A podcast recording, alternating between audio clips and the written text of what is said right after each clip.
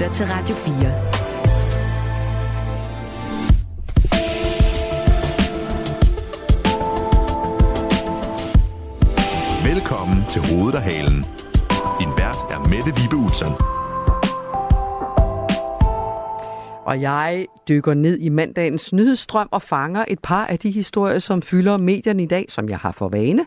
Som for eksempel den om Ahmed Samsam, som for nylig blev løsladt fra fængslet, og hvis sag man så måske skulle tro, der ville falde lidt ro på. Det er overhovedet ikke tilfældet. I en ny bog, som kom i dag, vækker nogle hemmelige og hidtil ukendte notitser, nemlig ny røre på Christiansborg. Hvad handler det om? Det skal vi finde ud af. Vi skal også finde ud af finde hoved og hale i, hvorfor det kan være grænseoverskridende gentagende gange at blive varet på en vægt, når man er gravid, og om det overhovedet er nødvendigt at veje gravide systematisk. Og så skal vi på opfordring fra dagens gæstevært opklare et mysterium, som har optaget sindene i mindst en menneskealder. Hvorfor i alverden er vores skattesystem, og dermed vores selvangivelser, så svære at forstå? Og dagens gæstevært, det er dig, Buber. Velkommen. Tak skal du have, Mette. TV-vært, cirkusartist og faktisk også vært her på Radio 4 øh, på det program, der hedder Nattevagten. Det skal vi snakke mere om senere, tænker jeg. Men Bubber, for lige at tune os ind på dig som gæstevært i dag. Mm. Hvor meget føler du med i nyhedsstrømmen? En del. Altså, jeg, jeg synes, nyheder er, er både væsentlige og vigtige, og så synes jeg også, at de er jo selvfølgelig relevante for, for, for at, at kunne leve som menneske på den her jord her. Og jeg synes, der har været rigtig mange, øh, måske det også bare fordi man er blevet ældre, men, men det er sådan blevet mere deprimerende at beskæftige sig med, med, med nyheder mm. i, i, i den her tid, synes jeg, eller i den sidste tid. Øhm, og, og, og det har det jo været, fordi øh, for det første Ukraine og Israel, Hamas, og altså, jeg, jeg synes, der er mange sådan, du ved, brandpunkter på jorden, og, og jeg ved godt, det har der også altid været, og hvis der ikke har været naturkatastrofe, så har der været hungersnød og flygtninge og, og så videre, så der er masser at tage fat i, og, og jeg mener bare, man kan også lukke øjnene, og så kan man sige, at det skulle få depressivt, og, og, og, og, og, og det...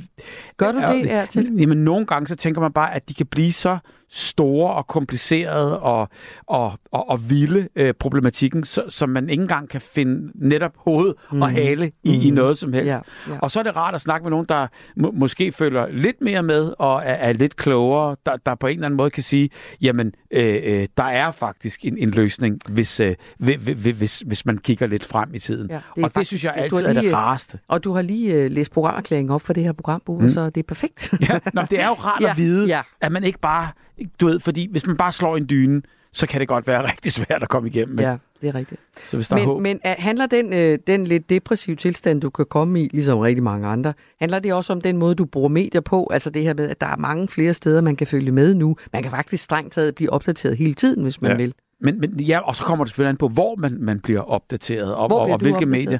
Jamen, jeg kan jo meget godt lide de traditionelle. Jeg har et abonnement på, øh, på Berlingerne. Det synes mm. jeg sådan, som, som, som hoved, øh, øh, altså abonnement på den måde, at elektronisk abonnement. Ja. Så man går du får ind... ikke nogen papirvis. Nej, nej. nej. Ja, det, den synes jeg til gengæld efterhånden er, er rigtig svær at komme igennem, fordi det, du ved, der er jo ikke gået mere end nogle år, hvor man ligesom sådan ikke har haft den imellem hænderne. Så synes man, det er da helt altså håbløst at sidde med. så, så jeg kan meget godt lide de her, og så kan jeg godt lide det, det her tabloid. Øh, jeg elsker Ekstrabladets artikler og BT's artikler øh, mange gange om, om nogle ting, fordi så, så cut the crap, og så går man lige ind i den. Nogle gange kan man også godt blive rigtig træt af det, fordi så ved man bare, at det er jo clickbait, det ja, hele. Op, ja. og, og, og der bliver det sådan, men, men man tænker ligesom, de, de gode gamle øh, medier, som på en eller anden måde dobbelttjekker og dobbelttjekker igen, og så vil erfaringen jo også ligesom på en eller anden måde der vise, at øh, det ikke altid, det, det kommer til at gå så hurtigt, så det er ikke altid for dobbelttjekket. Jo, jo, jo, så ja, man kan ja, ikke være helt ja, sikker. Ja, nej, det kan man faktisk ikke. Nej, men, er der, men, er, er der ja. noget, du ikke øh, følger? Altså, følger Jamen, jeg, jeg, jeg, jeg kunne ikke drømme om ligesom på Instagram eller på TikTok, eller altså gå ind og, og, og, og finde ud af nyhederne der. Det er klart, man hører jo altså, om unge mennesker, der kun får deres nyheder serveret der, og der tænker man jo, øh, øh, det, det er lidt synd for, for dem, fordi der tror jeg bare, ligesom det hurtigt kan blive, kan blive fordrejet. Det kan det også i de, i, i de øh, gode gamle. Øh, det er slet ikke det. Mm. Men jeg vil så sige, det, det er bare rigtig, rigtig svært. Også når, når hele nyhedsstrømmen er baseret på ligesom øh, løgne øh, på den her måde, at, at det gælder også for de andre om at svine de andre til og sige, at det er løgn, selvom det måske overhovedet ikke er i nærheden af en løgn. Men senest så, så jeg den der øh, øh, fantastiske dokumentar om øh, 20 dage i Mariupol, Ja. øh, hvor, hvor, hvor Som var indstillet til en BAFTA, så jeg faktisk. Helt- Helt britisk ja, ja, dokumentarpris, ja. Vitterligt. Altså, øh, og, og, og, og øh, modigt og flot og veldokumenteret. Og, og, og øh, man, jeg synes, man kunne føle med, med alle øh, parter i, i, i den sag, lige, lige i de øjeblikke der, som, hvor, hvor kameraet kørte. Og, og så ligesom mm, hører man så igen russiske medier, der så svarer igen på det, der lige er filmet, at det er simpelthen iscenesat, og det er øh, skuespillere, og det har aldrig fundet sted. Altså iskoldt mm. øh, på, på, på deres store nationale medier. Og det er interessant, det er jo også noget af det, vi skal tale om i dag øh, i næste time, tror jeg det er, eller er det, nu kan jeg ikke engang huske, om det er den her time. Nej, det er næste time, mm. hvor vi skal snakke om det her med, med øh, altså, kunstig intelligens, Ja. og hvad der rent faktisk kan. Altså, det er jo ikke længere bare noget, man siger, det kan godt være, de russiske myndigheder siger det, men det er jo faktisk noget, man, der kan lade sig gøre, at man kan lave falske videofilm nu. Ja. Og, så, og det gør jo ikke forvirringen mindre, kan man sige, vel? Men tværtimod, fordi Ja. hvad så ægte, og hvad Ja. så uægte, og, Ja. og, og, og, og hvem fortæller historien, og hvad er det egentlig, vi skal Mm. præges til at, at, at få ud af det her. Og derfor så er, så er det jo kompliceret, og derfor forstår jeg godt, der er nogen, der siger, jeg gider ikke høre nyheder mere. Nej. Nu er du jo sådan et barn, det er vi begge to, af det Mm. mm. gammeldags tv, ikke? Ja. Den gammeldags flow-tv, Ja. helt Og kender tilbage. hinanden igennem alle årene. Igennem alle årene har vi været der. Jeg tror nærmest, vi startede ja. nogenlunde samtidig, eller også var du lidt før mig. Altså, ser du flow-tv stadigvæk? Ja, det gør jeg. Gør du det? Men ikke, ikke sådan, så jeg sidder hver evig eneste aften, men hvis det kører, så synes jeg faktisk, det er meget hyggeligt. Ja. Sådan en lørdag aften, hvor, hvor, hvor, hvor fjernsynet kan finde på at køre i forhold til, altså så var der Melodi Grand Prix, og så flakker man lidt øh, rundt. Men, men jeg synes også, øh, i, i takt med, at, at, at mulighederne for at bare gå ind og så søge det er præcis godt, man vil, det er jo også rigtig svært, og det er jo en kæmpe opgave, fordi hvad er det præcis, man har lyst til? Mm. Det, det, det, det ved man jo, altså nogle gange ved man det 100%, og andre gange så aner man det jo ikke. Mm.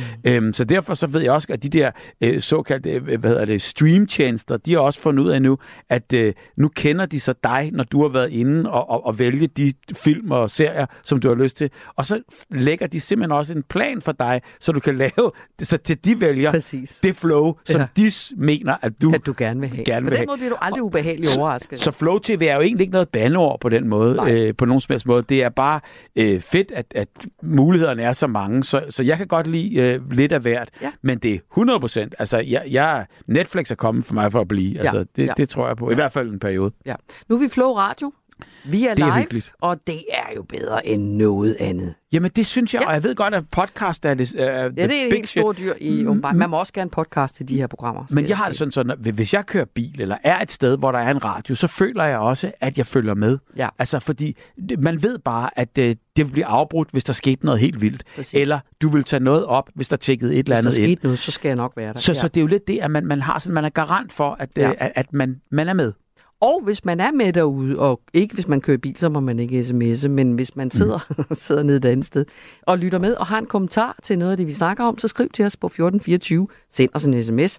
Og Bubber, det er en fornøjelse at have dig her I i, hovedet og halen. Velkommen til. Tak. Du lytter til Radio 4. Vi begynder med noget, øh, som er super kompliceret, nemlig sagen om danske Ahmed Samsam, som jo hævder at have arbejdet som agent for den, de danske efterretningstjenester, de, dem begge to, og som har siddet fængslet i over seks år, først i Spanien, siden i Danmark. Den sag er langt fra slut, heller ikke selvom han er løsladt af fængslet.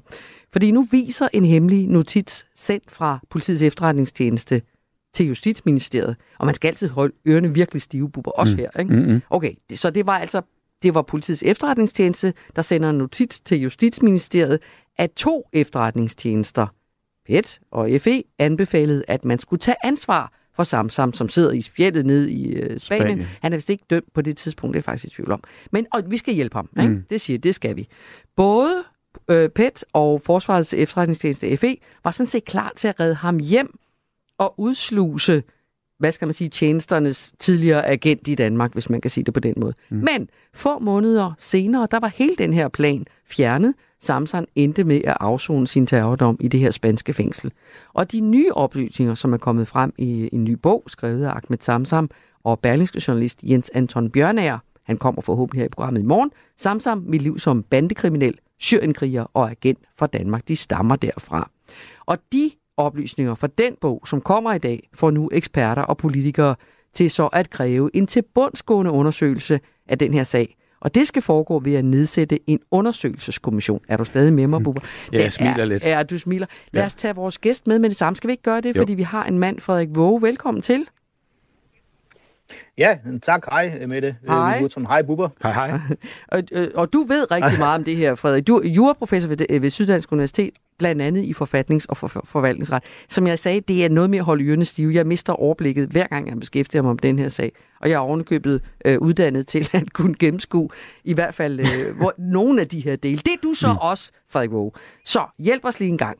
Efterretningstjenesterne vil hverken bede eller afkræfte det, som står i bogen. Altså, at de har samarbejdet med Ahmed Samsan. Og det er jo stået på i lang tid nu.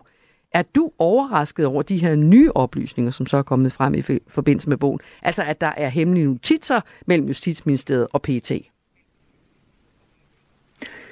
Altså, jeg er ikke overrasket over, at der er de her hemmelige notitser, men jeg synes bare, det er værd at bemærke i den her sammenhæng nu, at man har øh, dokumentation på skrift for, at på det tidspunkt, hvor at, øh, at der er en retssag i gang nede i Spanien, øh, hvor at øh, man hvor der er nogen, der mener, at Ahmed Samsom han bliver udsat for et justitsmord. På det tidspunkt, der diskuterer man det oppe i det danske justitsministerium, om man skal hjælpe ham, og hvad man skal gøre, øh, og ender med ikke at gøre noget ved det. Mm-hmm. Øh, at vi har dokumentation for det på skrift øh, nu, øh, vil jeg sige, er noget nyt i sagen. Øh, og, øh, og det er det, der gør, at at man må sige, hvorfor, når vi nu undersøger for eksempel Claus Hjort-sagen, PT i dybeste hemmelighed, og også øh, den anden sag mod Lars Finsen i dybeste hemmelighed, øh, var det så ikke også hensigtsmæssigt, at vi lige fik set på, hvad Justitsministeriet har gjort i den her sag? Mm-hmm.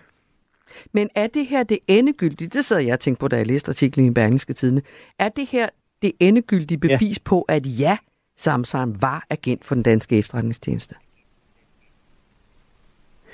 Altså, øh, jeg vil sige, nu har der jo kørt en sag øh, i landsretten. Der øh, taber Ahmed Samsam af nogle formelle grunde øh, muligheden for at få afgjort det her spørgsmål omkring, hvorvidt han var agent eller ej.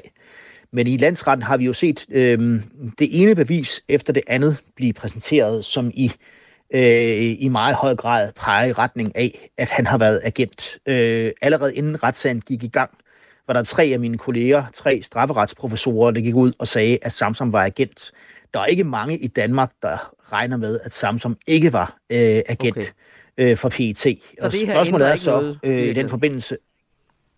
Undskyld, det ender måske ikke så meget. Altså, jeg, jeg, jeg tror, altså, der står på overskriften i den her bog, Samsung Agent for Danmark, DR har lavet en, en dokumentarudsendelse, hvor de kalder ham Agent Samsam. Altså, der er ikke, der er ikke mange, øh, der, er ikke, der, der, der, der, der regner med, at han ikke har været agent øh, for Danmark. Det store spørgsmål her i, i, i sagen, det er sådan set øh, håndteringen, hvordan når man, hvis man er i det danske justitsministerium, hvis man er justitsminister, hvis man er øh, ansat i, i, i et ministerium, man ved, der er en dansker, der er i knibe nede i Spanien, der risikerer at blive udsat for justitsmord, har man så ikke en anden form for forpligtelse til at gribe ind?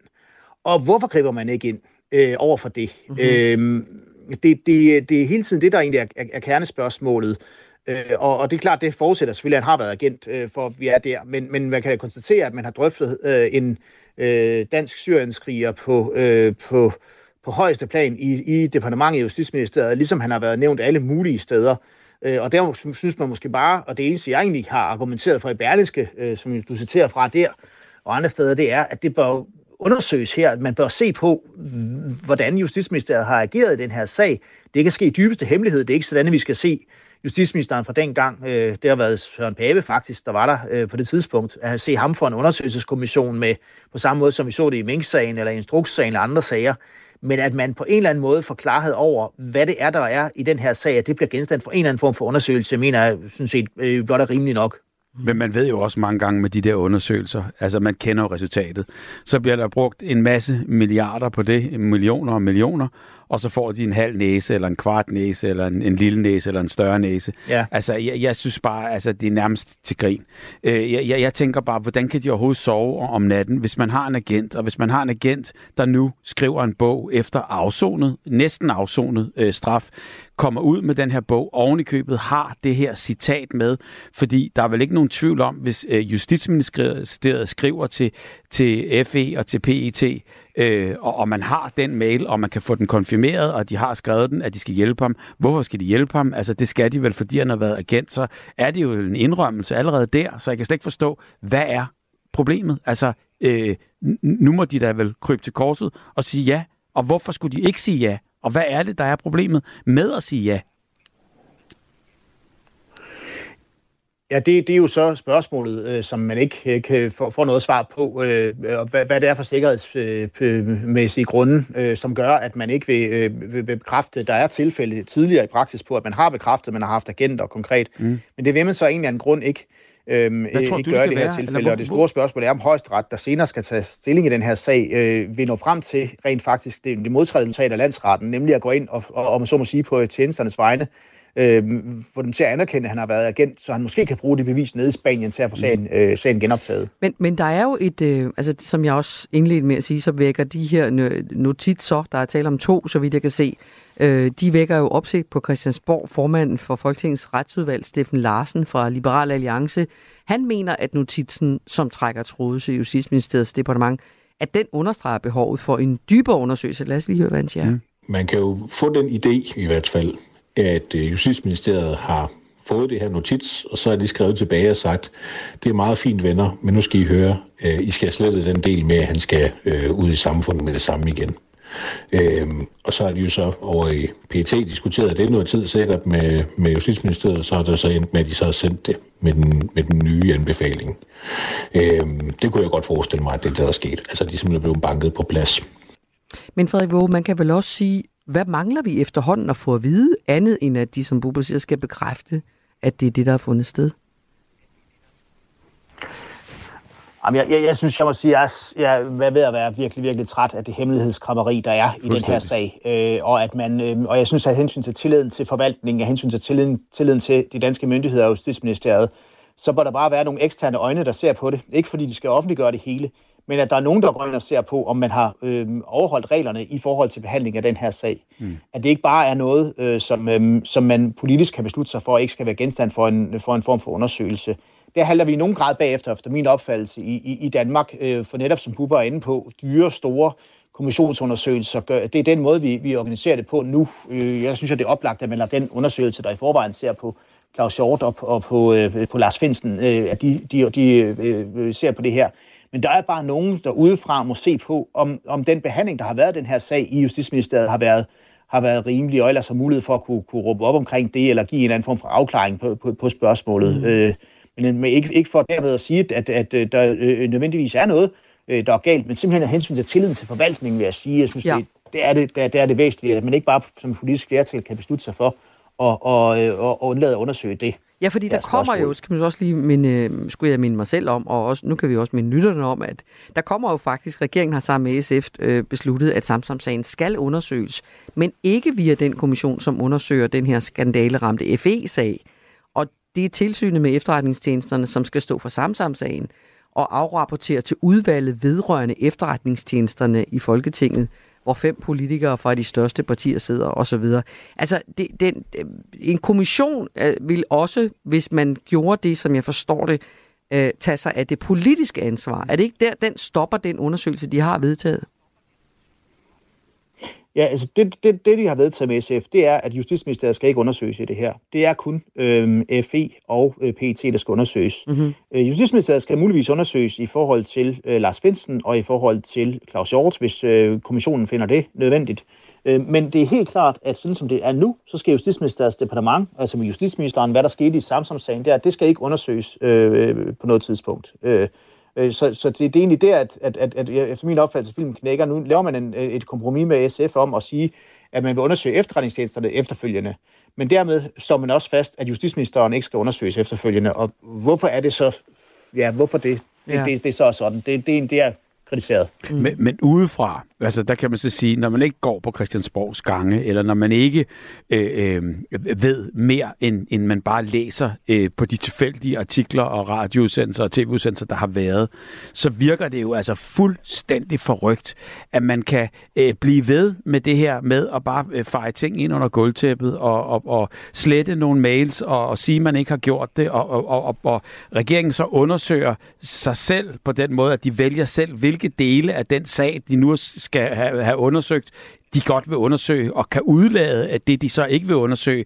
Og de ved jo resultatet på forhånd med, på, på den der måde, som, som de så kan udlede det her på. Og det her med, at man hele tiden skjuler ting, der åbenbart bliver ved med at komme op til overfladen, der virker så øh, øh, øh, lige til for alle os andre, der læser det, at de kan blive ved med at slippe afsted med bare at sige, jamen, men, men vi fejrer den ind, vi siger ikke noget, vi hverken beder eller afkræfter det. Hvordan man kan blive ved med at få sager på sager på sager, der bare ruller ind, uden der sker noget. Jeg spiller lige klip øh, også for dig, Frederik Våge, inden vi øh, øh lader dig gå videre i din arbejdsdag. Fordi ifølge Steffen Larsen, samme Steffen Larsen, som er formand for Folketingets retsudvalg, så han mener, der er tale om et potentielt justitsmord det her det tegner jo også øh, et billede af, at øh, PT har i hvert fald haft en indstilling til, hvordan tingene skulle håndteres, og, øh, og at der så er andre folk i systemet, der har haft en anden indstilling til, hvordan det her skulle håndteres. Øh, og vi ved jo, at, at PT øh, er der jo folk i, der siger direkte, at jamen, vi har jo haft ham herinde. Så, så det er jo en, en, en mærkelig øh, sag på alle måder, øh, ledere og kanter. Øh, og det lader jo som om, at systemet prøver at lukke sig selv ind om sig selv her. Øh, og det, det er jo ikke en, en ideel verden. Selvfølgelig skal der være hemmeligheder om, omkring efterretningstjenester, hvordan de arbejder osv., men, men det nytter jo ikke noget, at vi, vi laver øh, potentielle justitsmord på borgere øh, af den årsag. Frederik Våge, er det et, øh, er det et potentielt justitsmord, synes du? Altså, jeg synes i hvert fald, det er bemærkelsesværdigt her at se, at det her det er formand for retsudvalget i Folketinget, som, øh, som siger det her omkring øh, ministeriet, og at man så ikke øh, bare kan få øh, nogle uvildige øjne til at se det igennem, hvad der er sket i ministeriet, uden de nødvendigvis skal komme til, til, til nogle konklusioner på spørgsmålet. Der kunne man ønske, at man havde nogle bedre undersøgelsesredskaber end en million dyre øh, øh, store kommissionsundersøgelser, som, hvor man vurderer det, men måske en, en, en ombudsmand eller nogen andre, der kunne foretage et, et, et, et, en øh, undersøgelse af det, når der nu er et stort politisk om, om, ønske om det, i hvert fald hos, hos oppositionen. Øh, om, om der er tale om, om et, et justitsmord i forhold til Ahmed Samsam, øh, det, det afgørende for mig, vil jeg sige, er, om man får afgjort, altså om man, om man får øh, øh, sikret, at, at man nede i Spanien har fået de tilstrækkelige oplysninger fra Danmark, øh, og det er egentlig det, der er det store det store problem i sagen. Øh, det afhænger jo også af en, af, en afklaring af den spanske øh, dom, øh, om hvor stor en forskel ville det alt det her gjort, hvis de havde fået oplysningerne. Men det er klart, at ved behandling af en straffesag, så, så, så var det nogle meget, meget væsentlige oplysninger, dem vi har med at gøre her. Øh, og øh, jeg synes, det er for meget at skulle gå ind og forholde sig til, hvordan man vil, om, om man vil omgøre dommen i Spanien, øh, hvis man fik oplysningerne. Men, men Spanien skulle i hvert fald have oplysningerne og have mulighed for at agere på, øh, om det ville gøre en forskel, øh, hvis Samsung var agent for mhm. Danmark. Mm-hmm. Tak skal du have, Frederik Våge, fordi du vil være med os. Tak.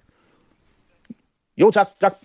Sådan juraprofessor ved Syddansk Universitet. I lige måde, mm. øh, blandt andet i forfatnings- og forvaltningsret, og altså en af dem, som følger den her sag øh, nøje. Det er der mange, der gør, Bubber. Fik, fik, fik, fik vi hovedet og hale? Det er stadigvæk svært Jamen, det er det jo. Og, og, og, ja. og, og, og man kan jo sige noget, og så kan man jo så bare ikke gå ind og sige andet, fordi vi mangler jo den part, der så ikke vil tale om ja. det. Ikke? Og, ja. og sådan vil det jo altid være. Men det, man kan sige, det er bare, hvis nu det her havde været et stort firma, øh, der, havde, der havde gjort så mange fejl øh, i, inden for de her få år, øh, så eklatante kæmpe store brøler øh, på den her måde, så der skal undersøges og kommenteres og bruges millioner og milliarder til, til, at, til at give folk direktør næse, så ville det jo være nemmere at afskede dem og finde nogen, der så kunne lave de her uden fejl. Ikke? Og, og det, man stadig undrer sig over, synes jeg personligt, det er, hvorfor fortæller de ikke bare, hvad der er sket. Jeg forstår det heller ikke. Nej. Altså, det, men Nej. det er fordi, der må, der, de må dække over alt muligt andet. Øh, der, der, der må være, øh, man kan jo ikke andet end, end gætte på, hvis, hvis, de, hvis, hvis de ikke vil fortælle sandheden, så er det jo fordi, der, der findes flere øh, ting under det her gulv. Altså, det, det er i hvert fald det, de risikerer, at vi står her og tænker, ikke også? Ja. ja. Ellers må man komme ud med det. Du lytter til hovedet og halen. Nu skal vi ud med noget andet, uh, Bubber. Vi skal ja. blive klogere på dig. Øh, rigtig Hvorfor? mange lytter ved udmærket godt, hvem Bubber er. Man siger slet ikke dit borgerlige navn mere, vel? Nej, jamen, det har man aldrig Bubber. gjort. Har man aldrig? Nej, jeg var ked af det. Da jeg var du ved, 15-16 år, der synes jeg, det var sådan lidt, øh, du ved, jeg synes, det var sådan lidt barnligt. Øh, ja, men, men, så fandt, ja, men så fandt jeg ud af, ligesom, du ved, da jeg begyndte at sådan beskæftige mig, da jeg var 17 år, kom jeg ind i filmbranchen og sådan så vidste de jo lige præcis, hvem Bubber var, for der var ikke andre, der hed Nej, det. det er rigtigt. På, på mit, øh, ligesom min årgang, der hedder alle jo Michael, eller Jens, eller Thomas, eller du ved, der, ja. de, der, alle var, hed jo det samme. Ja. Altså, det, jeg, jeg skilte mig ud. Det var så før, jeg vidste, der var noget, der hed brand. Det blev det så det kan, senere. skal ellers lige love for, at du er du sindssyg, men man behøver ikke at forklare nogen, hvem Bubber er. Det ved vi alle generationer, tror jeg. Måske er der nogen. Jeg tænkte også på, om, om er det, det er jo ikke alle, der har set dig sidde i badekar, vel? Nej. Det er jo nogle forbehold, Nej, lille men, skare, men, men nu det levende. Var, det er jo 4-5 år siden, jeg, jeg holdt op på Ultra, så, så man har alligevel fået, ja. fået no, nogen på Ultra, som er en børnekanal på, på DR. På DR, ja. ja øhm, og, og, og der fik man jo så ligesom den, den sidste ungdom med, men altså, man ved jo ikke, altså, det, det, det har været et par generationer, og, Ja. og det har jo været fantastisk. Ja. ja. Nu stiller jeg dig nogle spørgsmål. Du, må, du er blevet spurgt om alt mellem himmel og jord. Men alligevel, bor Mm. du stadig i den by, du voksede op i? Ja. Gør du? Men jeg har været ude. Okay. Øh, jeg, jeg er født og opvokset i Hellerup, Ja. ja. øh, Gentofte Kommune. Mm. Øhm, og, og så er jeg flyttet ud. Jeg tror, jeg var ude i 20 år, næsten 20 år, øh, boede i København. Og nu er jeg flyttet tilbage for tre år siden, Okay. fire år siden. Hvorfor? Jamen, øh, det er fordi, jeg har fået en kone, som øh, synes, at der er skønt inden for øh, de grænser der. Hun har en lille butik, og, og det hele det passede meget godt der. Så jeg kom ud af byen, men øh, jeg savner stadigvæk pulsen. Jeg savner stadigvæk øh, det her med at øh, gå ud af sin opgang og sådan, du ved, øh, mærke gaden Ja. øh, på, på den der måde. Ja. Den der, øh, der, er, der er en vis form for anonymitet, og, men, men det der liv kan jeg godt lide. Altså, hele den der bypuls, den, den, den savner jeg lidt, for hvis man går ud på sådan en lidt kedelig villavej, hvor man kigger ind øh, i, i nogle lukkede øh, porte, eller nogle øh, hække, som står nu her fuldstændig visne og ja. synet hen. Ja. Der er ikke det samme liv, synes jeg. det er nok rigtigt. Men jeg synes, der er, øh, altså nu er det jo, det er jo 5 km og 6 km Ja, ja, du hopper på cyklen og kommer ind i løbet det- af no time. og det gør jeg skam Ja. også. Og så har vi lidt luft, og vi har lidt vand, og vi har lidt skov og sådan noget der. Mm. Så det, det, det er meget rart. Men jeg er ikke færdig. Jeg, jeg, Nej. jeg skal tilbage. Du skal til. Ja. Nå, hvem ringer du til, når du har brug for et godt råd? Øh, jeg, jeg ringer, jeg har en, en rigtig, rigtig, min mors bror, øh, min onkel Nielser. Ja. Øh, ham kan jeg godt lide at snakke med. Jeg kan godt lide min egen bror, Ja. øh, snakker jeg også rigtig meget med mm. om, øh, om mangt og meget. Mm. Og han er, han er gået i en anden skole, end jeg har. Altså, øh, han, er, han, han er den uddannede af os. Øh, og, og, og, øh, Du er den halvstuderede er, er, røver. Er, er, er fornuftig øh, på alle måder. Ja. Øh, både på den ene og den anden måde. Øh, og langt mere sådan, sådan du ved, med, med begge ben. Er han Fuldstændig storbror eller lillebror? han, alle, når de ser ham, og det er han irriteret over, altså siger jo det der med, når din lillebror har vi set øh, forleden dag, Ja. eller helt din lillebror, hvor han siger, at ja, altså, det er mig, der er lillebroren. Så han er fire år yngre, Okay. men øh, han, han virker som storbror. Og så har jeg øh, selvfølgelig også min mor, som jeg det, sn- snakker med øh, rigtig, rigtig tit om, om mangt og meget. Mm. Mm. Hvornår har du sidst fået en ny ven? Jamen, jeg synes, jeg, jeg synes faktisk, jeg, det, det gør jeg hele tiden. Mm. Altså, så kan man så sige, hvor, hvor, hvor dybt stikker det? Det stikker måske ikke så dybt som dem, jeg har kendt, øh, som er mine allerældste venner, Michael og, og Kim, som jeg har kendt lige siden henholdsvis øh, første klasse og tredje klasse eller sådan noget. Mm. Øhm, og, og vi har holdt sammen øh, lige siden. Og, øh, og, og, og altid. Og det er ligesom, om vi så snakker med hinanden en uge, eller ikke, eller om, om efter 14 dage, altså ligesom, så er det gået tilbage til den, som om man bare havde sagt øjeblik. Okay. Øh, Så er I gode venner. så på den måde der, der, der kører det, og der Ja. har man jo et fast forankret forhold. Men ellers så har jeg fået øh, rigtig mange venner. Altså, når jeg går en tur på gaden, kan jeg da godt risikere at få en, en god ven, man lige snakker med, Ja. eller føles med, Ja. eller, eller ude at rejse, kan man få en, en følgekammerat på, på den der måde. Øh, men ellers så vil jeg sige, de, de sidste øh, sådan, nye rigtige venner, det var inden for, ja, det er 10-12 år siden, øh, da jeg startede på sådan cykelbusiness. Altså Ja. det der med at, at rigtig cykle. Ja. Altså sådan, de, de, de mænd, øh, som øh, der er øh, helt latterlige i lykra og for alt Er for du en af stramt dem? siden, det er jeg. Åh, og, Gud og cykler to og to og tiger session ude på, ude på de danske Åh, landeveje. nej. Og, og når man cykler med Du er sådan en af gruppe, dem, man banner af. Ja, fuldstændig. Men jeg elsker det. Jeg elsker det, og det er fantastisk at cykle. Du lytter til Radio 4. Og hvis man kunne høre en, en latter fra en anden, en kvinde latter fra en anden end mig, så er det fordi, vi har fået en gæst i studiet. Nysankomne. Øh, en nysankommende hos Aspekto. Du skal lidt tættere på mikrofonen, Randi. Randi Mølmark O'Connor. Simpelthen. Velkommen til. Ja. Flot navn. Ja. Tak. Og Connor, hvor kommer det fra? Det scorede jo lige sådan en lille irsk godbid med tilbage, og så Åh. giftede vi os jo. Sådan. Nå, nå, nå. Nå, men grund til, at du er her, at Ja. det er jo ikke noget sjovt noget at sige, men det er, at du er her, fordi du er mor til to. Simpelthen. Ja. Og nu skal jeg lige forklare ordentligt, hvorfor du er kommet. Fordi når man er gravid, jeg troede næsten måske, du havde din bebs med. Men Det det, har jeg også. så. Han sidder Nå, herude. er det rigtigt? Nå, hvor hyggeligt. Vi får ikke lov at se bebs. Øh, Og hvor gammel er Bebs? Tre uger, siden Åh. jeg blev sliced and diced, du. Nå, men så er det et spædbarn. Simpelthen. Men når man er gravid, som du lige har været, og tillykke Yes. med dit barn nummer to, så er det en fast procedure, det var det også dengang jeg blev mor, at for mange år siden, at man i løbet af graviditeten bliver varet hos sin praktiserende læge eller jordmoren. Øh, men den her fokus på morens vægt kan godt være ubehagelig for nogle mødre. Øh, Radio 4 har talt med 20 kvinder, som ikke brød sig om at skulle på vægten under deres graviditet. Øh, flere kvinder har sagt til de praktiserende læger, at de ikke havde lyst til at blive vejet, og flere kvinder har også oplevet ubehagelige kommentarer fra sundhedspersonalet, når de så blev vejet. Og når du er her, Randi, så er det selvfølgelig, fordi du er en af dem, som ikke synes, det var særlig rart. Hvordan, hvad var det, du oplevede i forhold til at blive vejet under din graviditet?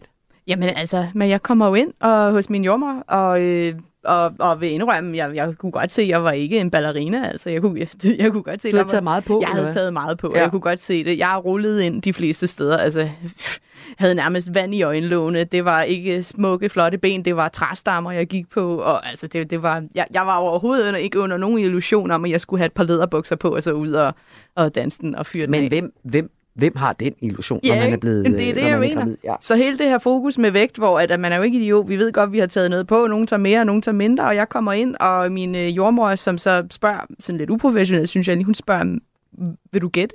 Hvor meget har du taget på? Jeg siger, nå. "Nå, gode 20, tænker jeg måske. Kvinderne i min familie, vi bliver sgu store. Vi bliver nogle fertilitetsstatuer, ikke? Mm. Mhm. Vi er ikke små petite. Og hun siger så, jamen øh, det er altså 30 plus. Åh, ja, okay, ja, det var da også Hvor langt var du henne i Der graviditeten? var jeg i uge 37-38, så vi er i slutspurten der Ja, jo, ikke? ja. Altså, der, og jeg Så det er både også, barn og moderkage og fostervand og hele blod, baduljen. hele ja. ja. mængden, Ja. ja. og det er altså også, jo som sagt, sidste omgang, ikke? Og ja, Mhm. mm. ja, der var ikke så meget at gøre jo, så jeg var også sådan, hvad skulle jeg gøre? Gå på kur, ikke? Altså den sidste ja. uge. Ja. Øh, men hun, ja, smider mig så også ned på bræsen og siger, nå, mærker hun, det er heller ikke kun dig, der er lidt over skalaen, også baby var sgu også lidt stor. Øhm, fedt. Så det var ikke kun mig, det var også baby. Mm. Øhm, og så siger hun jo så, da jeg sætter mig ned, jeg prøver at gøre det let ud af det, jamen hvad skal jeg gøre? Ikke? Nu er jeg her, hvor Ja. jeg er. Og hun siger så, jamen alt over 15 kilo, det er selvskade. Og ordet selvskade, det, det var simpelthen, det ramte mig som en, en, en mursten Ja. lige i hovedet. Selvskade. Jeg Ja. tænkte, det var da Var utroligt. det din læge? Undskyld. Nej, det var jordmor, Det var jordmoren. der simpelthen sagde, Nå. det er selvskade. Okay. Og jeg var sådan selvskade og prøvede igen, sådan, og jeg fiskede jo efter øh, en løsning eller en, en opfordring, en, et, et gyldent men. Det skal du nok klare. Mm. Selvfølgelig klarer du den. Mm. Du kommer op og stå igen. Det kan du sagtens smide. Altså, du kommer også til at løbe rundt efter en unge. Det skal nok gå. Og det kom der bare intet af. Det var dødt, fuldstændig stille, og jeg sad og stirrede på hende. Og det blev bare, jeg prøvede igen, sådan tårerne pressede sig lidt på, og jeg var sådan, ja, men hvad? Og så kom listen, det kan betyde hård fødsel, det kan betyde skade på barn, da, da, da, du skal ud og gå lidt mere, og det var altså corona. Jeg var redselslagen for at fange corona, for at min mand ikke kunne være med, når jeg fødte, så det der med at gå ud blandt mennesker, mm. ud blandt, det havde jeg bestemt ikke lyst til. Men og jeg sad også, jamen, altså, hvad skal jeg? Jeg kommer jo ikke ned under 15 nu, når man er 30 plus inden for en uge, og jeg Nej, fødte også. Du skulle føde lige om et øjeblik. Ja, jeg følte ja. også en uge senere, så altså, hvad skulle man gøre? Det var skide ubehageligt. Det var virkelig ubehageligt, at, blive, at det blev grebet sådan an på. Og, og jeg skal da ikke stå og sige, selvfølgelig skal man være ærlig. Altså, vægt er en vigtig del af symptom, symptomerne, der kan komme også med svangerskabsforgiftning. Ja, og det der er hele. nogle ting i det, ja. Selvfølgelig. Vil du spørge noget, mor? Jamen, når- når jeg vil bare sige, for det første, så, øh, når jeg ser på dig, altså jeg du er noget af det smukkeste i hele verden. og, og, og, og det synes jeg vidderligt, og, og jeg kan sagtens, øh, jeg, jeg kan sagtens godt øh, se det her, men jeg tror bare, hun har da været i rimelig pro, altså den der, øh, øh, øh, på, på, på, på, på sin egen måde. Øh, og, og, og, og- og det, jeg synes, det er bare, at, øh, at jeg, jeg kan godt se den der forfængelighed i, der, der kan være, ligesom med at stille sig op på vægten og, og, og røbe det her ting her, men, men du, du, sådan som jeg tænker det, du gør det jo ikke for din egen skyld.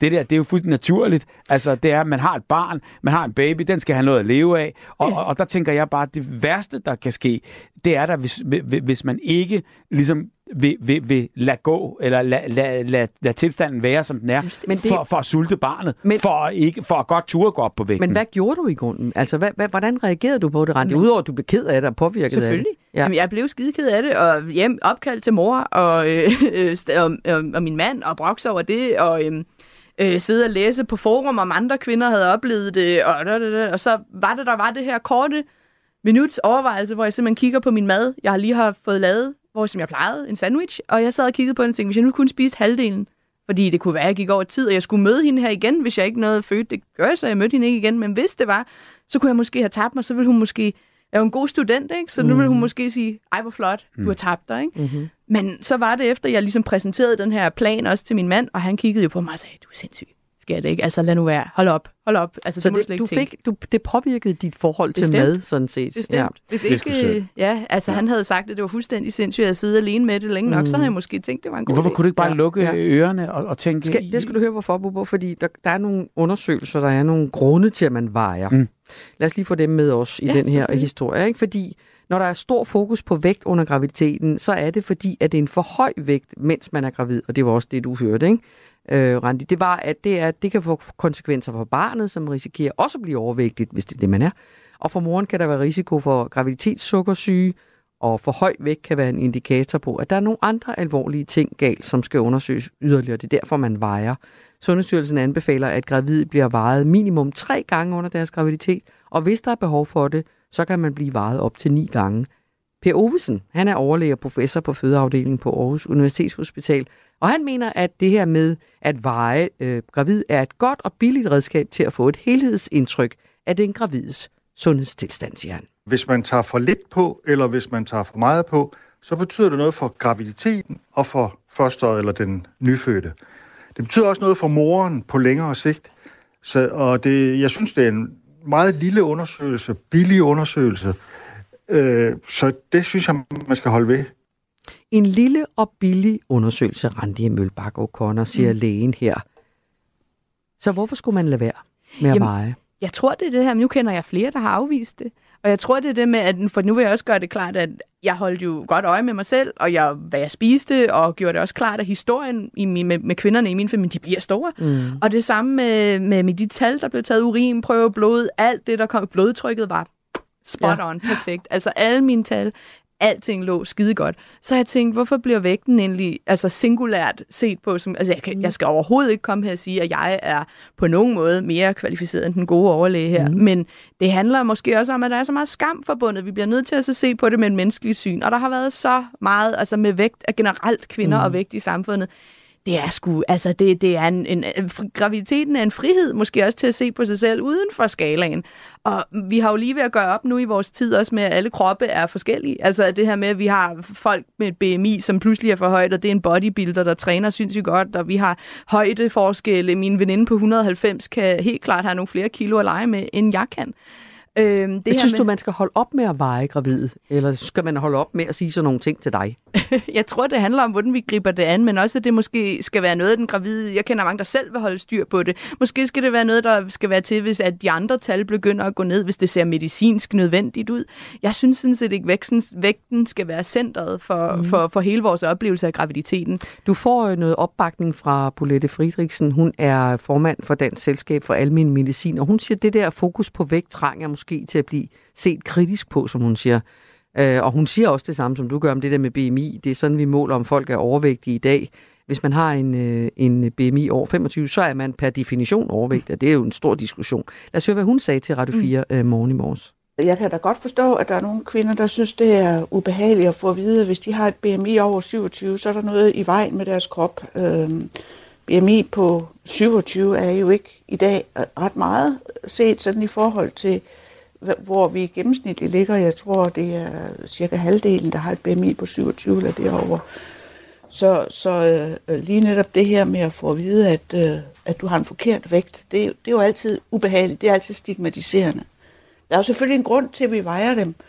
Øh, vi vil jo gerne øh, for eksempel kunne holde øje med, om de samler væske i løbet af graviditeten mere, end de må, fordi så kunne det jo være udtryk for en graviditetsforgiftning eller en anden tilstand i graviditeten, der bør behandles. Så det er jo godt nok at holde øje med, øh, øh, hvad de vejer, men man, man skal jo gøre sig umage, når man øh, kommunikerer det, hvis det er en kvinde, der for eksempel har nogle problemer med sin vægt. Øh. Hvad synes du, Bubber? Skal man holde op med at veje gravide kvinder? Altså, jeg synes, man skal holde op med øh, øh, øh, at tage det så nært. Øh, I hvert fald, uanset hvad der står på den vægt. Og selvfølgelig skal man ikke det. Øh, øh hvis det er unødvendigt, så skal man da holde op med det på stedet.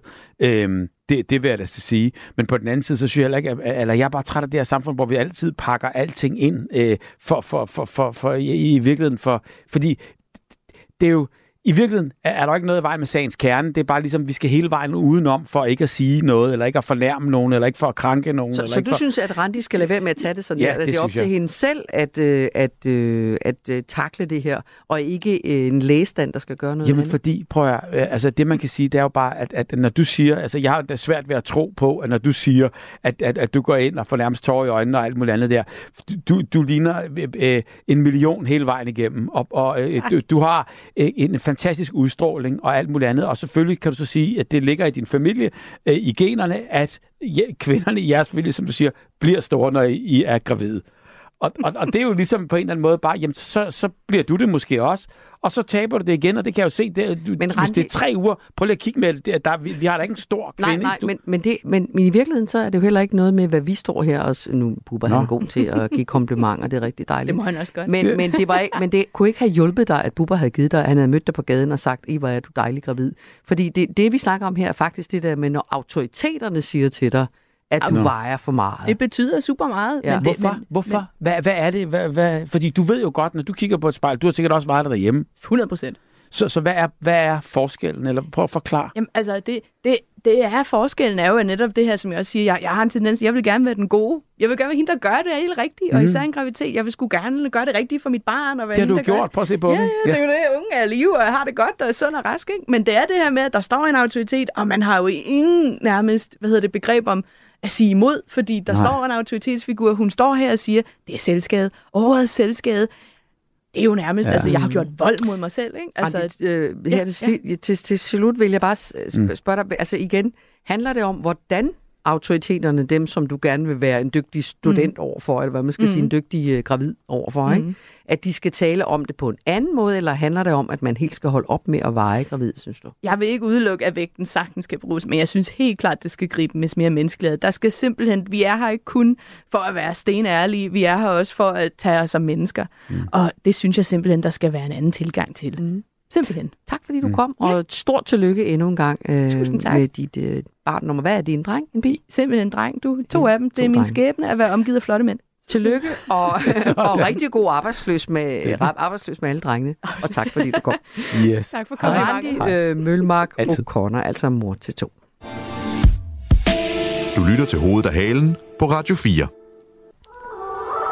Mirko øh, Simon Gang af Taylor Swift simpelthen ansat af The Deep State til at lave disinformation, som i sidste ende skal sørge for, at Joe Biden han bliver valgt over Trump. Er der bad blood på højrefløjen i USA, og spænder Kennedy-familien sorte får ben for Joe Biden? som ikke falde ned i kaninhuller på nettet. Er det Mission Impossible at sagsøge Scientology? Og er Kevin Spacey for evigt cancelled? De juridiske anklager har haft enorme professionelle konsekvenser. Er de facto blevet cancelled. Only in America er alt det, du kun finder i USA. Jeg har sagt til dig før, Frederik, at hvis man er nødt til at gå i seng, når klokken bliver mange, Lyt med i Radio 4's app, eller der, hvor du lytter til podcast.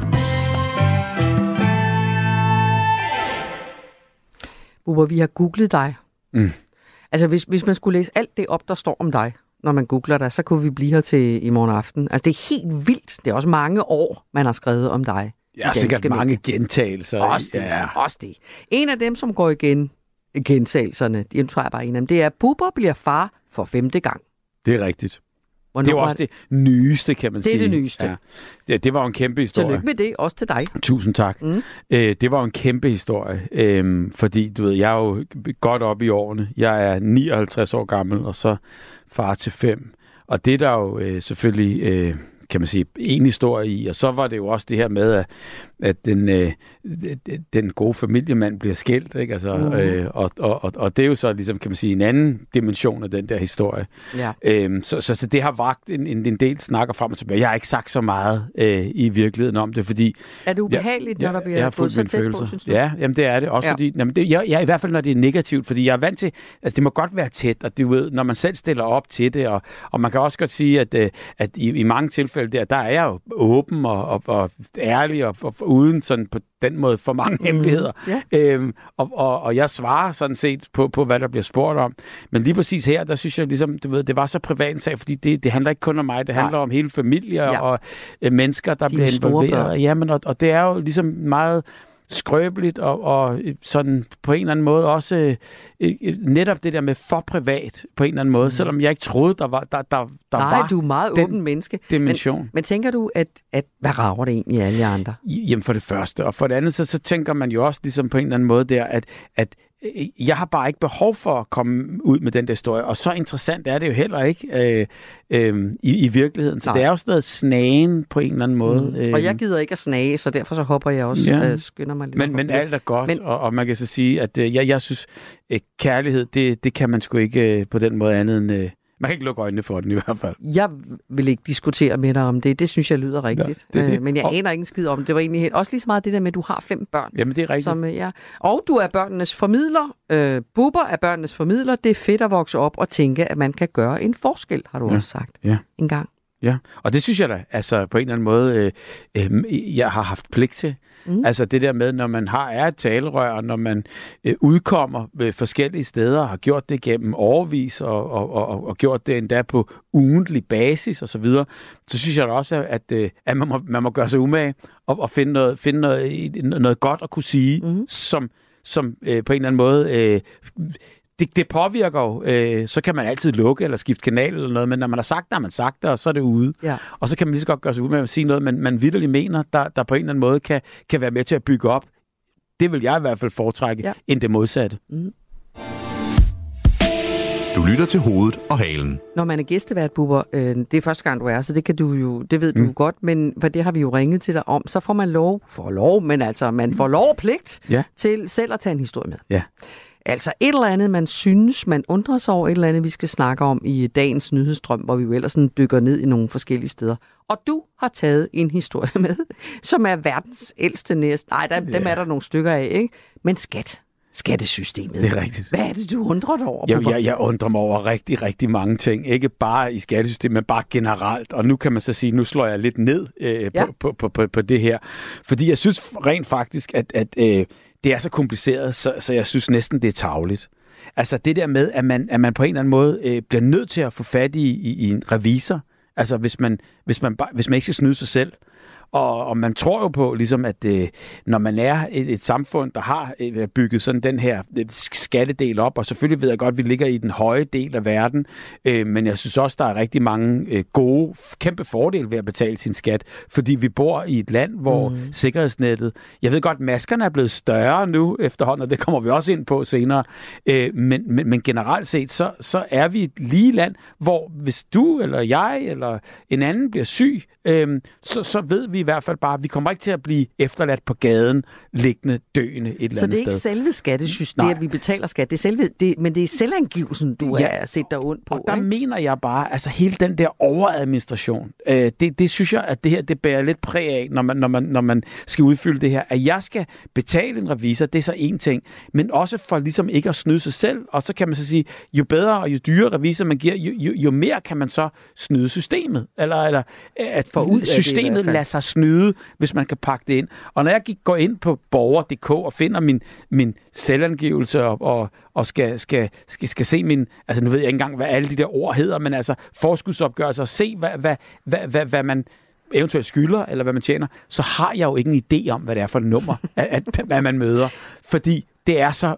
U, det, det, er så det, det er så egentlig så enkelt. Man tjener en løn, og så betaler man en skat, og den er i en, en eller anden trækprocent. Og der, der, der er Men det klar over- stopper ikke der. men så stopper det bare ikke der, Nej. Og så er det bare et eller andet med, prøv at her, jeg kiggede bare, bare for sjov, Ja. øh, nu når vi snakkede om det, så tænker jeg bare, hvad kan jeg fortælle dig, Ja. at, at, at ligesom, Ja. ja. hvad, hvad, hvad man skal tage stilling til.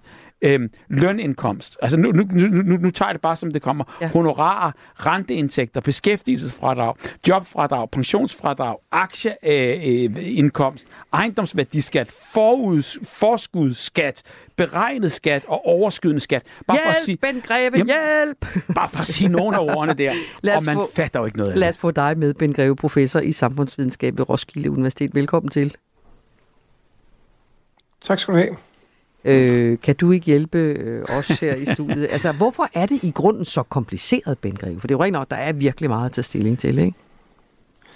Ja, inden jeg svarer to ord på det, så skal man lige huske, at for mange almindelige lønmodtagere og folkepensionister, der er det ikke så vanskeligt igen, fordi at der indberettes helt automatisk til skattemyndighederne, hvad man har indkomst øh, og øh, pensionsindkomst og videre. Men det er klart, for selvstændige erhvervsdrivende mere kompliceret. Når det er sagt, så forklaring på, at vi har, og det er enig i, et meget kompliceret skatte- og afgiftssystem, det er, at man, når man beslutter noget på det område her, gerne vil opnå en lang række meget forskellige formål. Det ene er at skabe tilstrækkeligt proveny til at betale de udgifter, som også blev nævnt øh, i starten her, og som er en vigtig del af at kunne finansiere velfærdsstatens måde at fungere på. Men noget andet, så laver man nogle gange nogle regler for at prøve at få folk til at arbejde noget mere. Mm. Det er det, der har været kendt under betegnelsen, det skal kunne betale sig at arbejde. Nogle ting laver man for at prøve at få folk til at spare noget mere op. Nogle ting laver man for at prøve at påvirke folks forbrug. For eksempel så folk ryger noget mindre og lever noget mere sundt, end de gør. Så det skal kunne og alt nogle gange muligt. laver man noget for... Ja. En gang til. Jeg siger bare, at det skal kunne alt muligt, det skattesystem. Ja, og, det, og samtidig vil man gerne have det enkelt at administrere, øh, og, og det er ikke det enkelt at administrere det her, som det er, og det, og det gør jo også, at man får nogle gange et system, der er mere kompliceret, end, end godt er. Altså for eksempel hele beskæftigelsesfradraget, det er der jo ikke ret mange mennesker, der helt ved, hvad det beregnes automatisk af ens lønindkomst eller erhvervsindkomst. Så man, det får man automatisk et fradrag, men mange kender det ikke rigtigt. Vi fik men... for et par år siden for at nævne et andet fradrag, der er lidt skjult for mange mennesker. Det var, fordi man fandt ud af, at mange, der via arbejdsmarkedspensionerne sparede op til pension, ikke fik noget ud af at spare op de sidste 3-4 år før pensionsalderen, så indførte man et særligt pensionsfradrag. Mm. For at sikre, at de faktisk fik noget ud af det, så der var sådan set en god økonomisk logik bagved det, men det er bare med til at gøre systemet øh, kompliceret. Og hvis man skal gøre det her system mere enkelt, det kan man sådan set godt, øh, så skal man fjerne en lang række fradrag. Men jeg ved også godt fra, fra mange års diskussion på det område her, at hvis man foreslår at fjerne et fradrag, så vil der altid være nogen, der synes, det er ikke retfærdigt, det vil få en negativ øh, adfærdsvirkning ud af det, og det er derfor, skattesystemet ofte ender med at være mere kompliceret end godt er, men det er fordi, vi skal nå så mange forskellige formål for at få systemet til at fungere. Men, men jeg tænker også bare, alle dem, der skal sidde og administrere det her, alle de her mennesker, der skal lave, nu ved vi, hvordan det gik med ejendomsvurdering og alt muligt andet. Der var en grund i nær Roskilde, der blev, der blev på, på computeren, hvis man gik ind der, så var den halvanden milliard værd, eller du ved, et eller andet. Altså, at de laver så mange fejl, og de gør alt det der. Hvordan kan vi stole på det her, så, når, når man kigger på sin, sin uh, går, går ind på borger.dk og kigger på sin, uh, hvor, hvor meget man skal have tilbage, og hvor meget man ikke skal have tilbage, og Ja, nu hvad, går jeg, nu går jeg ud fra, at du går ind på skat. Det, du Nå, går så ud skat, fra, at skat, ja, ja, skat, og skat.dk, kigger. præcis, Skat.dk, ja. det er ikke bort. Men altså, jeg, synes, jeg synes faktisk sagt i al stilfærdighed, at opkrævningen af indkomstskat i Danmark og de systemer, vi har ja. til at gøre det her, fungerer faktisk ret godt. Okay. Jeg er med på, at ejendomsskatsystemet har været det vanskelige sta- start, og det er også fordi, det er et meget kompliceret område med mange forskellige dele, hvor man ikke har reguleret og lavet en vurdering i 10 år. Men selve indkomstskatsystemet, opkrævning af indkomstskat, er for langt, langt hovedparten af danskere noget, der fungerer meget enkelt og meget simpelt, fordi det er nogle oplysninger, der i IT-mæssigt kører ind, og man kan gå ind og se, hvad har man indberettet, hvad har din arbejdsgiver indberettet, hvad har dit øh, bank indberettet, hvad har dit øh, realkreditinstitut indberettet. Så der er faktisk både en god gennemsigtighed og en måde at administrere det på, og det betyder også, at de fleste danskere har ikke på den del særlig vanskeligt at gøre det. De, de bliver måske ikke påvirket adfærdsmæssigt, som nogen tror, men det er ikke det, der er så vanskeligt. Det, der er vanskeligt, det er at forstå ejendomsskattesystemet, som det ser ud i øjeblikket, mm og det, der er vanskeligt at forstå for folk, det er, at der er så mange forskellige skattesatser, så Præcis. mange forskellige typer af fradrag, der beregnes afhængig af indkomst med videre. Fordi når jeg læser op på den der, det er jo bare forsiden, og så kan man så se, og det er jo ens egen, ligesom kan man sige, øh, øh, løn og skat, der, der, der ligesom er inkluderet her.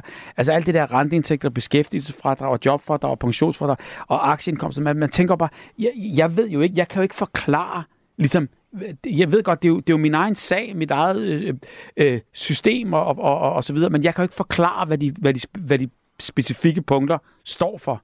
Altså, og der tænker jeg bare, langt de fleste mennesker må da have det på samme måde, øh, som jeg har det, at det virker komplet uoverskueligt. Man kigger på det her med, skylder jeg, eller, eller skal jeg have nogen penge tilbage? Men man kan sgu ikke regne alle mellemregningerne ud. Det, nej, og det er måske et problem med mellemregninger, for man kan sige, at for, den, for folkepensionisten, der har sin folkepension, mm. og har sin arbejdsmarkedspension, og måske noget ATP, der er det relativt enkelt overskueligt, og, og folkepensionisten har typisk ikke ret mange fradrag ved siden af, så der er det forholdsvis overskueligt. Det er også forholdsvis overskueligt for den lønmodtager, der har en arbejdsplads, en indkomst, lige skal beregne sit uh, transportfradrag inde på, på Skats hjemmeside. Derimod er det kompliceret. Hvis man på den samme tid har mange forskellige typer af aktiviteter, mm. har mange forskellige typer af fradrag, så bliver det kompliceret. Men for den almindelige lønmodtager og den almindelige pensionist, den almindelige studerende, der mener jeg faktisk ikke, at systemet er særlig kompliceret på, på selve det at gøre indtægterne øh, og fradragene op. Men tror du ikke, man kunne skære det hele? på beregningssiden. Tror du ikke, man kunne skære det hele, hvis, hvis, man, hvis man skar det hele, og så sagde bare, vi skal ikke have alle de muligheder for at trække fra og for at snyde hinanden. Det vi gør, det er, at det, man, man, man, man tjener nogle penge, og så betaler man en procentdel af det i skat, punktum. Og om man vil køre i en bil og trække den fra, eller alt muligt andet, der, der er skatten bare lidt, lidt, lidt lavere, men man kan til gengæld ikke trække noget fra. Eller vil det ikke være et system? Nej, altså problemet er, hvis du tager det med transportfradrag, det er jo rigtigt, det er, er det kompliceret ofte, hvis man bor langt væk fra sit arbejde, så får man et større fradrag. Men det har man jo indført for at sikre, at der var større regional lighed i Danmark. Mm. Og hvis man fjerner det, så vil nogen, der bor øh, for eksempel langt væk fra København og skal på arbejde i København, sige, det betyder, at vores disponible løn går ned, fordi vi ikke længere får det fradrag. Til gengæld skulle ikke betale så meget skat, at fordi dem, vi har en flad-.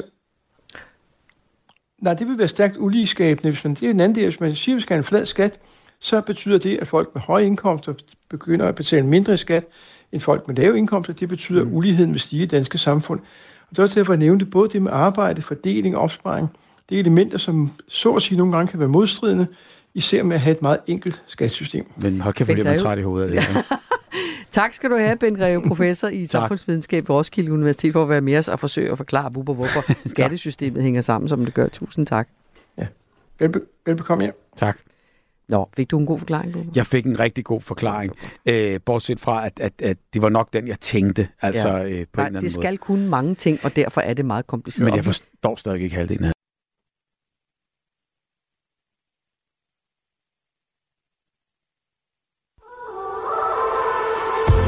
lytter til Radio 4.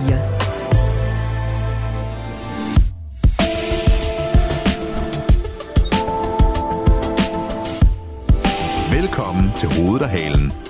Din vært er Mette Vibe Utzon.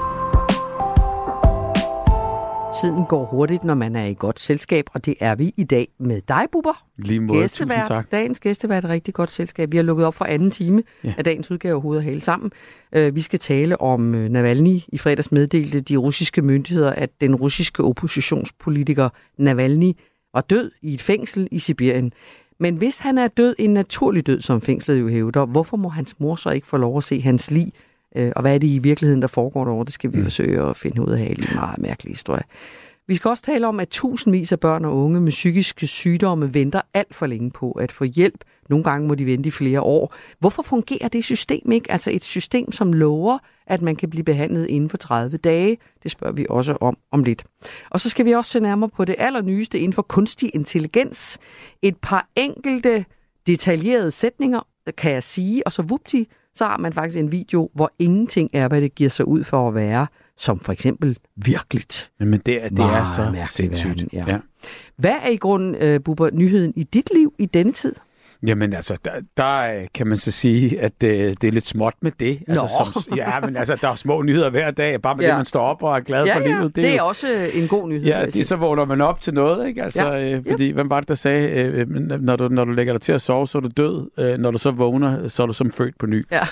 øh, men, men, men, og det er jo faktisk rigtigt, så det er jo bare en god nyhed. Men altså, det man kan sige, det er jo bare, at øh, øh, lige nu her, der er den 25. i næste måned, der er der premiere på øh, en helt ny sæson med Circus Arena. Ej. Det er jo ligesom det, vi varmer op til ja. nu her, hvor man skal land og rige rundt og, og optræde. Og det er jo øh, fantastisk. Altså det der med at komme ud og møde publikum mm. live, mm. oven i købet, at det ikke er mig, mig, mig, men at øh, jeg har alt muligt på mine skuldre, ja, men det er, det er jo artister fra rundt omkring i hele verden, der så skal vise, hvad, hvad, hvad de kan, som jeg så skal binde sammen med en ny marker i år. Ja, Så og det er er endnu? Sprikstalmeister, ja. Meister, Ja. ja. det, ja, ja, det det. Ja, ja. Så hun hedder Malene Kvist, som er øh, en, en øhm, tredjedel af, af, af du, øh, hvad hedder det, af trioen øh, Sukkerchok. Mm-hmm. Og så har hun jo lavet masser af børnefjernsyn og så videre, så videre, så videre.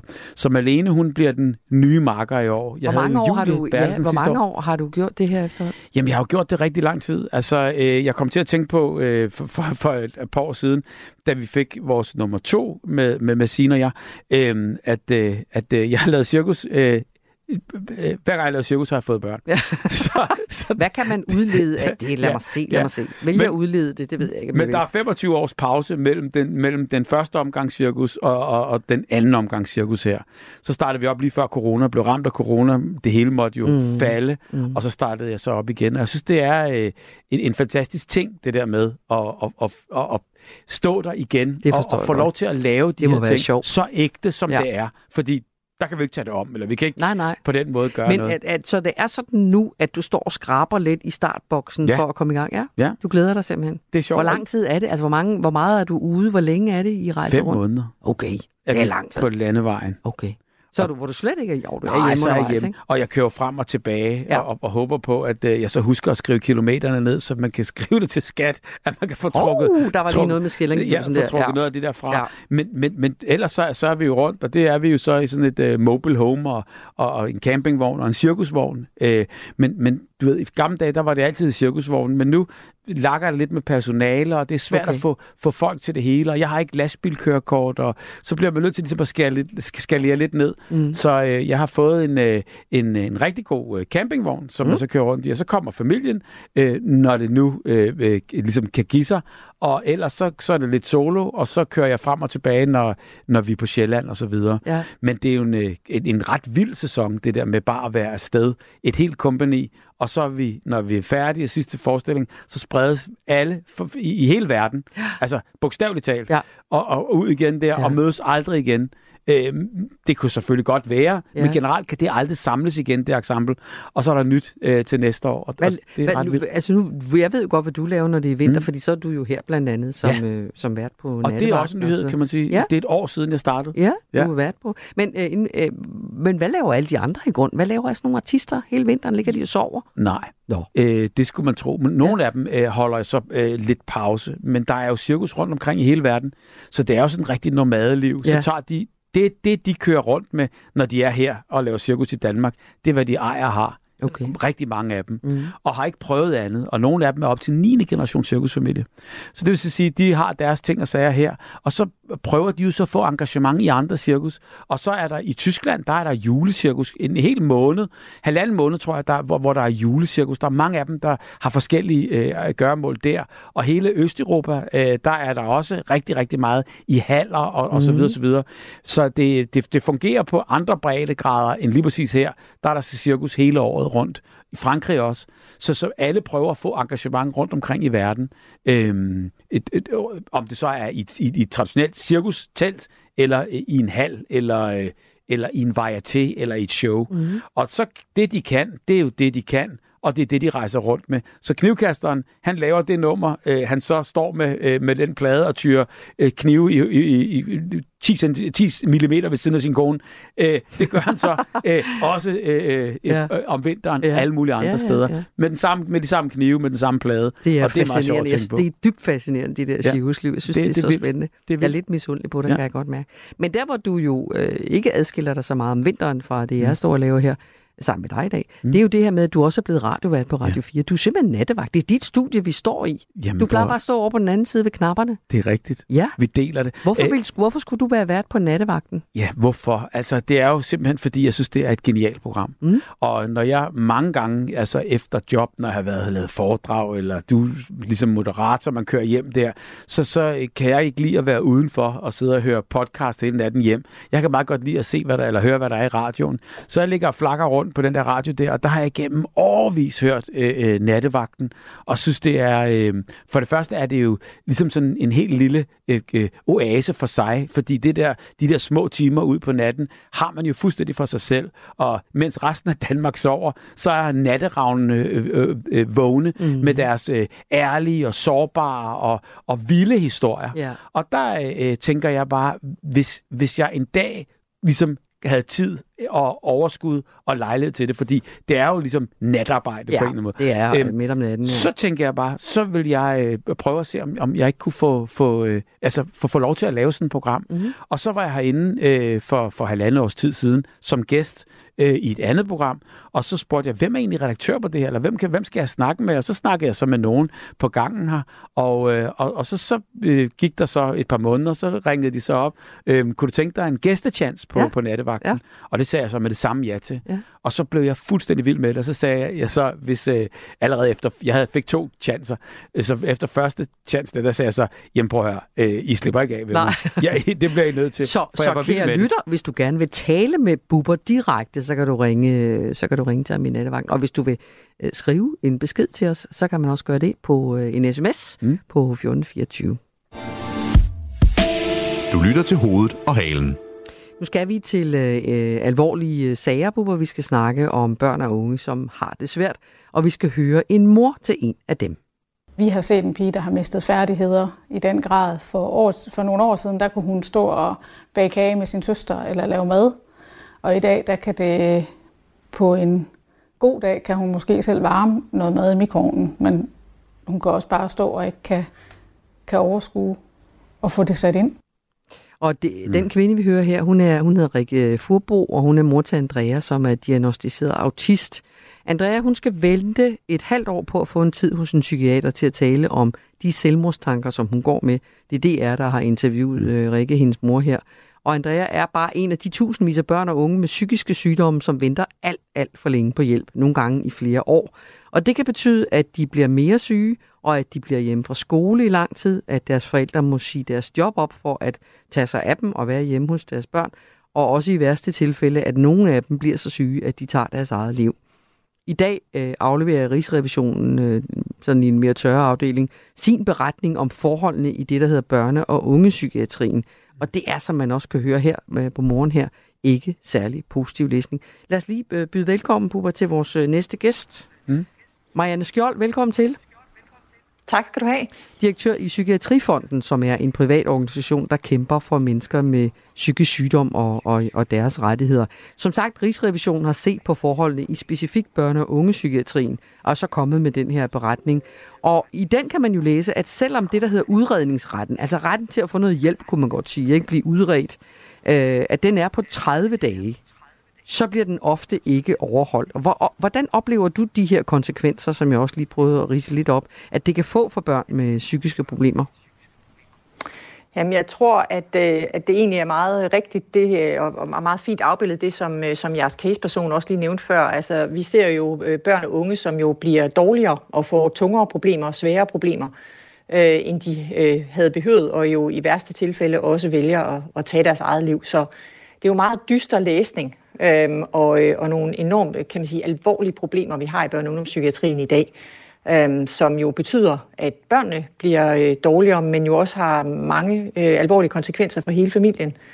Øhm, vi lavede en forældreundersøgelse for ikke så lang tid siden, som jo belyser, at, øh, at forældrene jo i øh, 25 procent af tilfældene selv bliver syge, øh, oplever skilsmisse, øh, det får økonomiske øh, konsekvenser.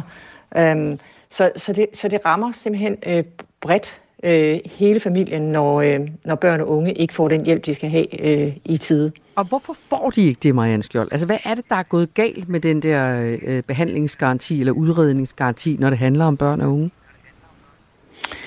Jamen, øh, det, der er gået galt, det er jo sådan set, at der ikke rigtig er nogen, der har handlet på det, øh, da man første gang fandt ud af det. Altså, jeg tror også, det er vigtigt at sige, at nu ser vi i dag, at der både er kommet en undersøgelse fra Overlægeforeningen, som fortæller, at rigtig mange børne- og ungdomspsykiater igennem øh, de seneste år er flygtet ud af børne- og ungdomspsykiatrien, og vi ser Rigsrevisionens rapport fortælle, hvor galt det står til i forhold til udredningsgarantien. Men det er jo ikke ny øh, viden. Det er jo viden, som man har kunne følge med i, så det er jo sådan et, et trafikuheld i slow motion, Altså, øh, hvor vi nu øh, står i en situation, hvor, hvor det jo øh, næsten er øh, kan man sige, på randen af kollaps. Og det handler jo om, at når der ikke er øh, børne- og ungdomspsykiater, der kan arbejde inde i børne- og ungdomspsykiatrien, så er det også rigtig svært at, øh, at få øh, kan man sige, behandlet børn, eller få, få udredt børnene for det, de fejler. Hvad er det, der så, sker? Øh, Undskyld, hvad, hvad, så, hvad, hvad er det, der sker egentlig? Ja. Hvorfor er det blevet sådan?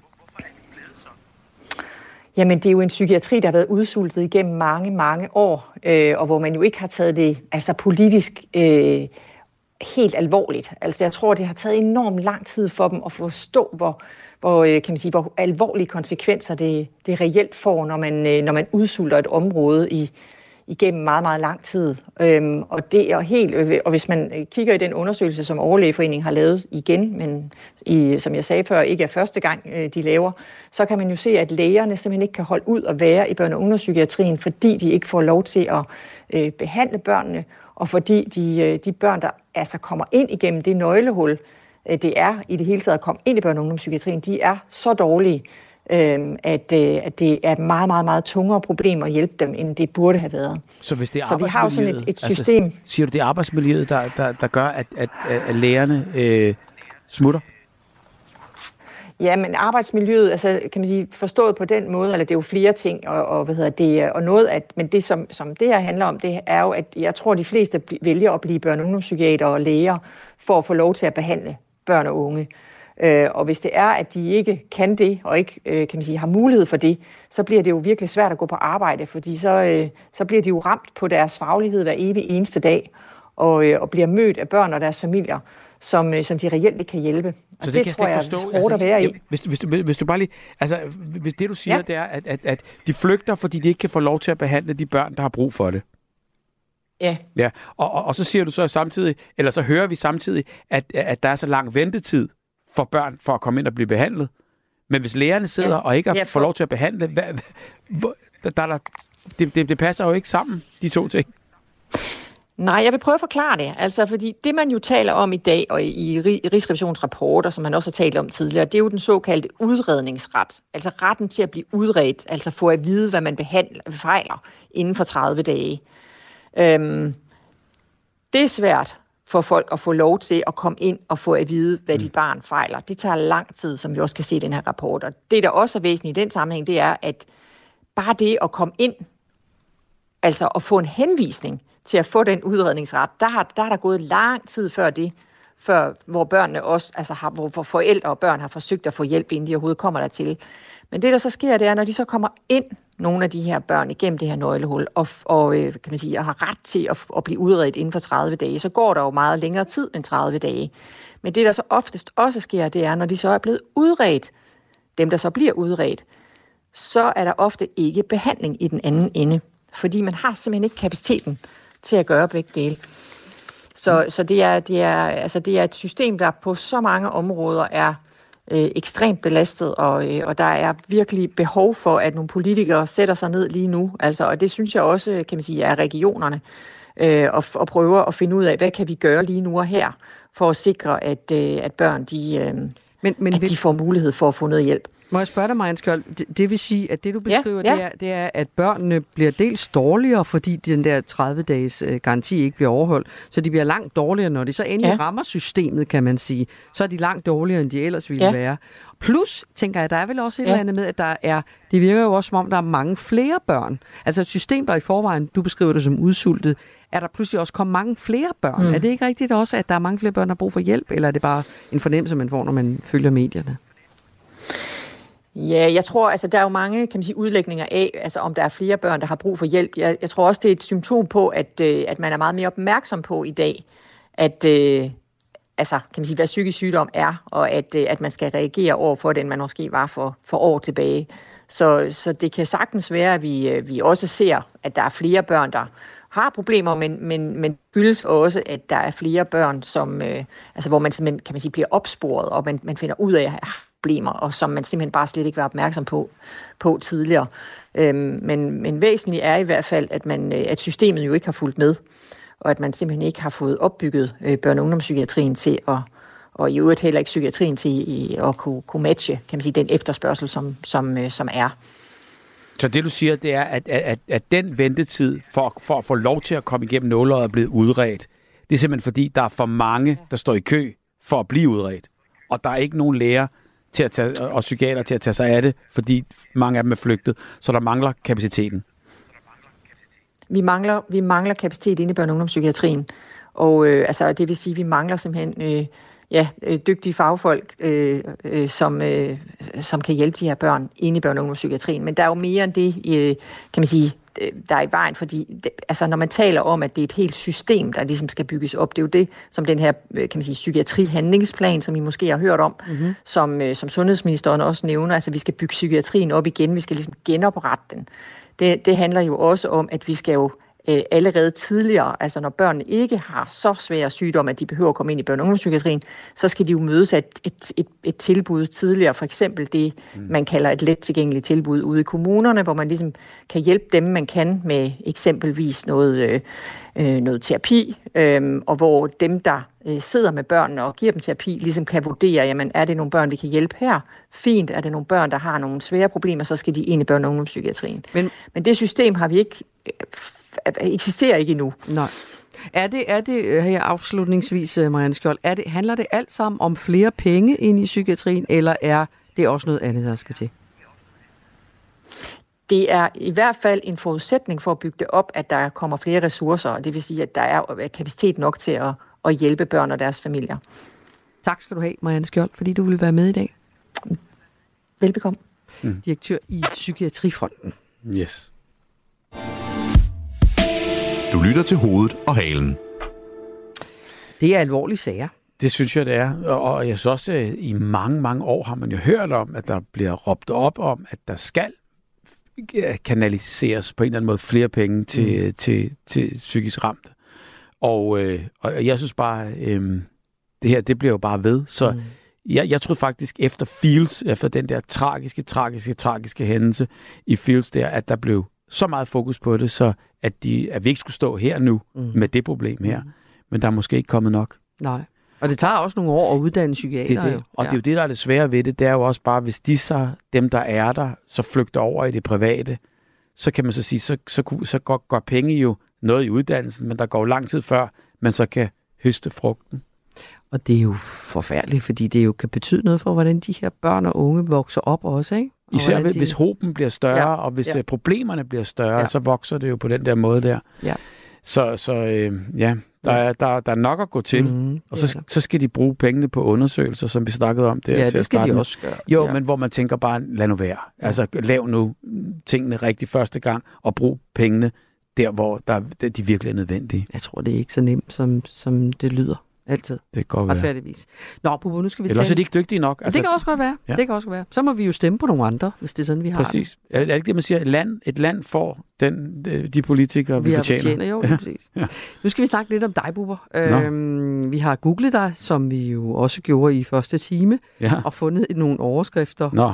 Øh, Bubber ansat som nattevagt har vi allerede snakket om. Ja. Det er en af dem. Det har ja. Faktisk været nyheder, der... Det det er faktisk Danmarks Radio, der har skrevet om, at du er ansat. nat- Der er nogen, der har opdaget det. Ikke kun dem, der sidder der midt om natten. Mm. Øh, men udover det, så er der en anden øh, overskrift her, hvor, som, som er, jeg er lidt nysgerrig efter at finde ud af, hvad det handler om. Bubber, jeg kørte om kap med politiet. Det var det, jeg mistede kortet, Hvad tror er nu jeg. det for noget? Kan du se det længere nede? Bubber Ja. måtte generhverve kortet det er rigtigt. og sælge sin Ja. golf efter et kapløb med en civil politibil. Det var så Børnenes ven kører om kap med politiet. Hvad i Ja. alverden har du gang Det i? er mange år siden. Nå. Øh, det er det. Godt nok. Øhm, og det er slet ikke sådan noget, jeg praktiserer den dag i dag. Men øh, jeg var, nu det var ikke øh, det var altså i, igen, det er jo en overskrift. Altså, øh, Præcis. Det er derfor, du får lov lige at forklare. Ja, det var nede ved Korsør, at øh, og vi, ja, det var sådan en af de her netter, hvor der ingen, altså, klokken var to-tre stykker om natten, der var ikke en bil på gaden. Den er god med dig. Det var det. Og så, og så, og så jeg Var kunne ikke drømme om at køre for stærkt i byen. Nej, og så kommer jeg bare afsted der, og det var på det tidspunkt, der havde sådan en, en VR6 og sådan en sekscylindret golf. Det var, det var hurtigt. Og, øh, og så kørte jeg der, og så var der en BMW, der overhalede mig. Og så tænkte jeg bare, ja, det var en civil, men mm. det Mhm. vidste jeg ikke på det tidspunkt. Mm. Så tænkte jeg bare ligesom, du ved, nå ja, Hvad okay. billede du dig ind? Ja, jeg blinkede ind til siden og lod den overhale, og så kom den ret blæsende forbi. Så tænkte jeg bare, det kan jeg godt gøre lidt bedre. Så tog jeg så ham lige tre minutter nej, senere. nej, Og så mærkede jeg bare de blå blink Nej, der, og så sagde jeg, nej, det er fandme tavligt. Ja. Hvad sagde de? Jamen, han så bare, ja, ja, han var iskold. Han, han var helt alene i den der bil, der Nå. sad og kedede sig og tænkte, der, der kører ind. Jeg kørte ja. måske også lidt for stærkt til at starte med. Ja. Men så kunne han jo have taget mig der. Så han fik jo mig lige op på, på, på det, der var værre. Ah, ansvarsforflygtelse, Og så røg det, og så røg det var det hele. hans skyld, ja. du fik. Nå. Ja, jeg angrer, og jeg, jeg er ked af det, og, og, og det er vidderligt, fordi du ved, det er jo et helvede at gå igennem Ja, det der igen. det er nemlig ikke sjovt at skulle og skulle sidde og forstå de her ting der, fordi det er jo det der med, altså, er, er, du, skal du være opmærksom, eller skal du være særlig opmærksom? Jeg tænker jo ligesom, du ved, ja, man skal da være opmærksom. Nej, det er forkert, der skulle du være særlig opmærksom. Nå, okay. Ja, ja, ja, Altså, altså, det er rigtigt. ja. Ja. ja. det har ændret sig siden dengang, du tog det første gang. Ja, øh, det har- alt har Det er ændret godt, du sig. begyndte at cykle, Bubber, Ja, i stedet for alt det er rigtigt. En 40. Det er rigtigt. Vi tager lige en overskrift mere. Ja. Øhm, Bubber om at være bange for at dø ensom. Mm. En podcast, som handler om det. Mm. Ja, jeg synes, det må være næsten øh, det, det, det, det værste i, livet. Så derfor arbejder jeg på ikke at, at, at, at, at dø ensom. Hvordan gør man det? Jamen, det gør man jo ved at være et ordentligt menneske. Altså, hele vejen igennem. Det her med, at, øh, at øh, jamen, altså, hvis du er i orden, og hvis folk godt kan lide dig, så, så, så gider de jo også øh, at være sammen med dig. Hvis man ligesom på en eller anden måde bliver, skal tvinge folk til at være sammen med en der, så tror jeg godt, man kunne dø ret ensom. Mm. Jeg, jeg, jeg drømmer lidt om ligesom at, at være så ordentlig, så folk godt gider en, altså helt frivilligt. Og det, det, det tror jeg, man opnår, hvis man, øh, hvis man er i orden, Mm. altså hele vejen igennem. Mm. Så, så, så det, det er det, jeg prøver. Ja, det er en, øh, en god bestræbelse, vil jeg sige. Ja. For jeg synes bare, det må være... Virkelig, altså det her med, og det har vi jo også på nattevagten, der er jo rigtig mange øh, lyttere, som, som ringer ind, og, og, og, og lige pludselig, du ved, så ud af det blå der, så hører man så, jamen du ved, jeg er rimelig ensom. Og hvor jeg tænker bare, jamen, fordi det kan man jo ikke vide, og, og man kan ikke høre det på stemmen, og man kan ikke fornemme det på samtalen. Men så når man kommer sådan lidt, lidt, lidt mm, for travlet et par, par lag af, så kan man godt mærke, jamen du ved, det er da forfærdeligt. Og, og det, det, det synes jeg bare må være... Øh, det er, jo, det er jo mange gange også op til en selv, og selvfølgelig kan man sige, så handler det jo også om ens overskud, øh, øh, fordi hvis man måske er øh, fastlåst til sin, til sin lejlighed, eller til sin øh, sted, hvor man bor, og kan ikke komme ud, og har ikke nogen omgangskreds osv. osv. Men, men, men der må man også ligesom på en eller anden måde prøve at række ud, og prøve at gøre noget, øh, og ikke bare vente på, at telefonen ringer. Og det tror jeg, det gælder hele livet. Ja. Man bliver også nødt til at være opsøgende i, i sit eget. Og jo mere man er det, og jo mere man kan det, så øh, tror jeg, jo, jo, jo, jo mere kvalitet får man i sit liv. Er det stadigvæk, synes du, også som nattevagtsbestyrer, havde han sagt, nattevagtsvært, mm. er det også lidt et tabu, det der med at være ensom? Nej, e, nej det synes jeg ikke. Nej. Altså, øh, øh, jeg, jeg synes, at der er kommet rimelig meget åbenhed omkring det, og øh, jeg, jeg synes, folk er, er simpelthen så generøse med at dele ud af, af deres inderste følelser. Øhm, og, og, og der er jo ikke nogen skam i det, men det man kan sige, det er bare, at det er en god øh, wake-up call øh, for alle, også folk, der sidder måske og, og bare lytter og ikke føler sig ensomme, men kan sige bare, jamen, okay, så skal man skulle lige holde på dem, man, man, man kender, så lang tid man kender. Og selvfølgelig er det jo, er det jo mange gange et dilemma, hvis man snakker med, med mennesker, øh, der er 90 eller over 90, hvor øh, familie og venner og alt begynder ligesom at smuldre øh, og måske ikke har fået nogle børn, og mm. måske ikke har nogen omgangskreds, der er yngre, så, øh, så, så, så er det jo rigtig, rigtig svært. Og måske også i virkeligheden helt naturligt. Altså, jo ældre mm. vi bliver, jo, jo, jo, jo, jo, jo, jo, jo, hvad kan man sige, jo færre bliver vi jo. Skal, øh. skal du, Bubber, i, i nattevagten? Fordi jeg har kun hørt nattevagten, jeg skulle møde om morgenen ja. på Radio 4 morgen. Jeg vil godt mærke, at du har gået glip af en del. Ja, det er jeg faktisk. Giver du dem god råd så? Altså, er der nogen, der Nej. spørger dig om, hvad skal jeg gøre ved det, og snakke Ja, hvis de gør med? det. Ja. Altså, nu er det jo ligesom, kan man sige, på den måde, der, der er det jo øh, et, en, en ret øh, øh, privilegeret situation at være i, fordi øh, ligesom du har øh, 1424 sms'en, øh, det har vi jo også. Og, øh, og, og der er der jo rigtig mange gange øh, lytter, der hjælper lytter. Okay. Øh, og, og, og det vi gør, jeg, vi tager en snak. Jeg prøver, mit job er ligesom, fordi jeg, jeg er jo ikke hverken psykiater eller, eller, eller noget som helst.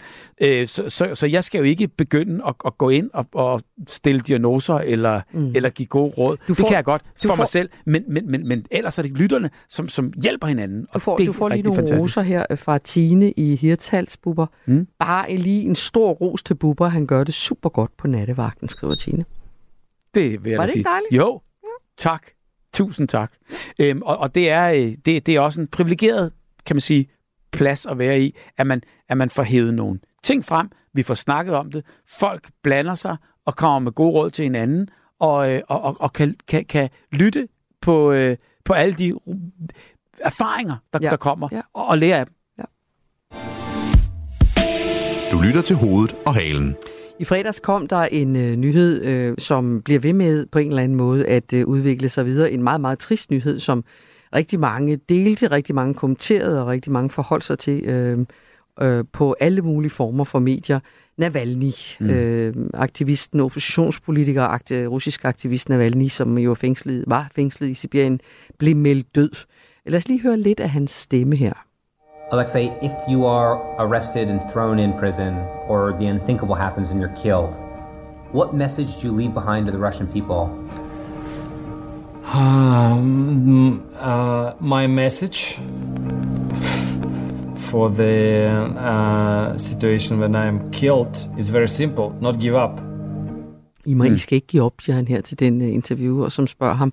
Uh, det var i fredag, som sagt. Uh, han blev meldt død. Han har afsonet en fængselsstraf siden 2021, og så blev han i december sidste år overført til den straffekoloni, som hedder IK3 i Sibirien. Og ifølge fængslet fik han det dårligt efter en gåtur, og så døde han kort tid efter.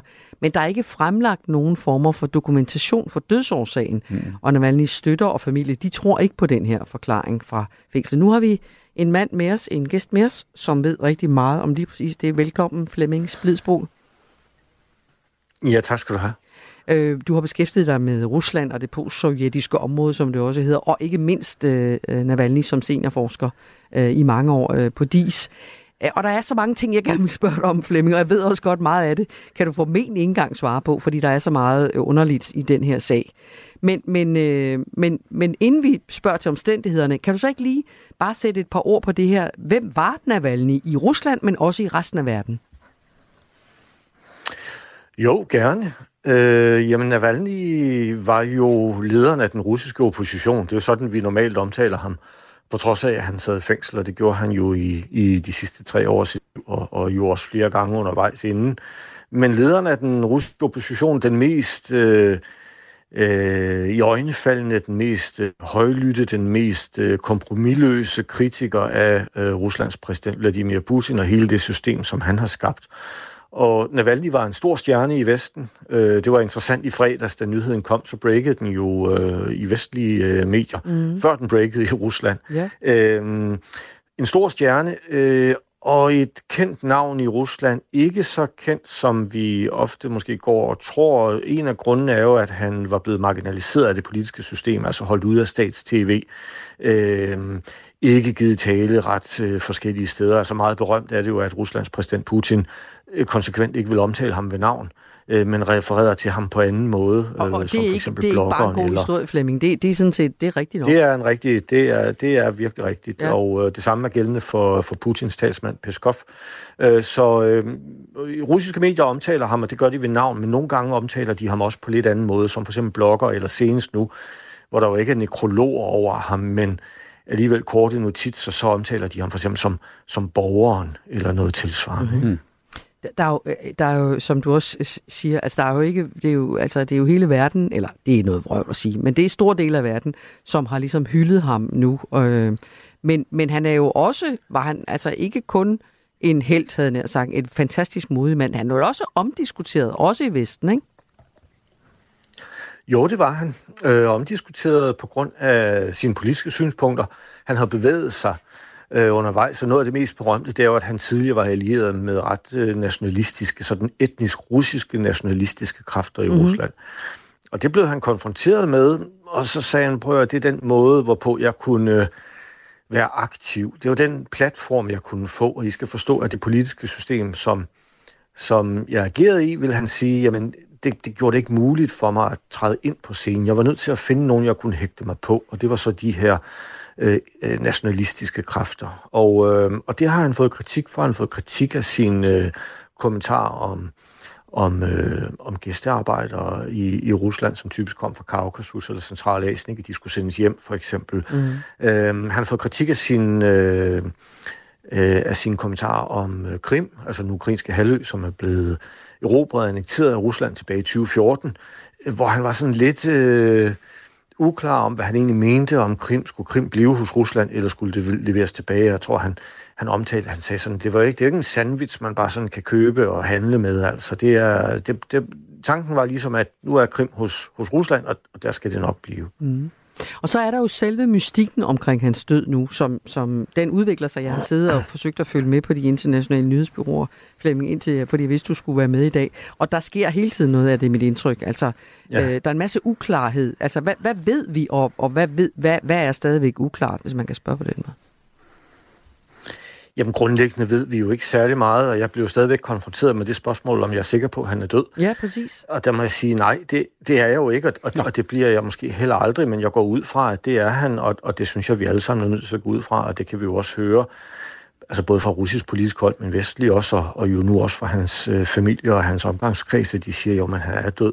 Øh, så så, så, så selv det står jo ikke engang helt klart, og der er jo spekulationer om, at han ikke er. Men lad os gå ud fra, at han er øh, død, og så ved vi jo ikke rigtig meget. Vi ved ikke, om han er død naturligt død derude, øh, eller om, om de bevidst har likvideret ham. Det ved vi jo, de har forsøgt tidligere. Det gjorde de i 2020. De havde et kæmpe setup, øh, som rejste samtidig med Navalny rundt i Rusland øh, og, og afventede en ordre om, at han skulle likvideres.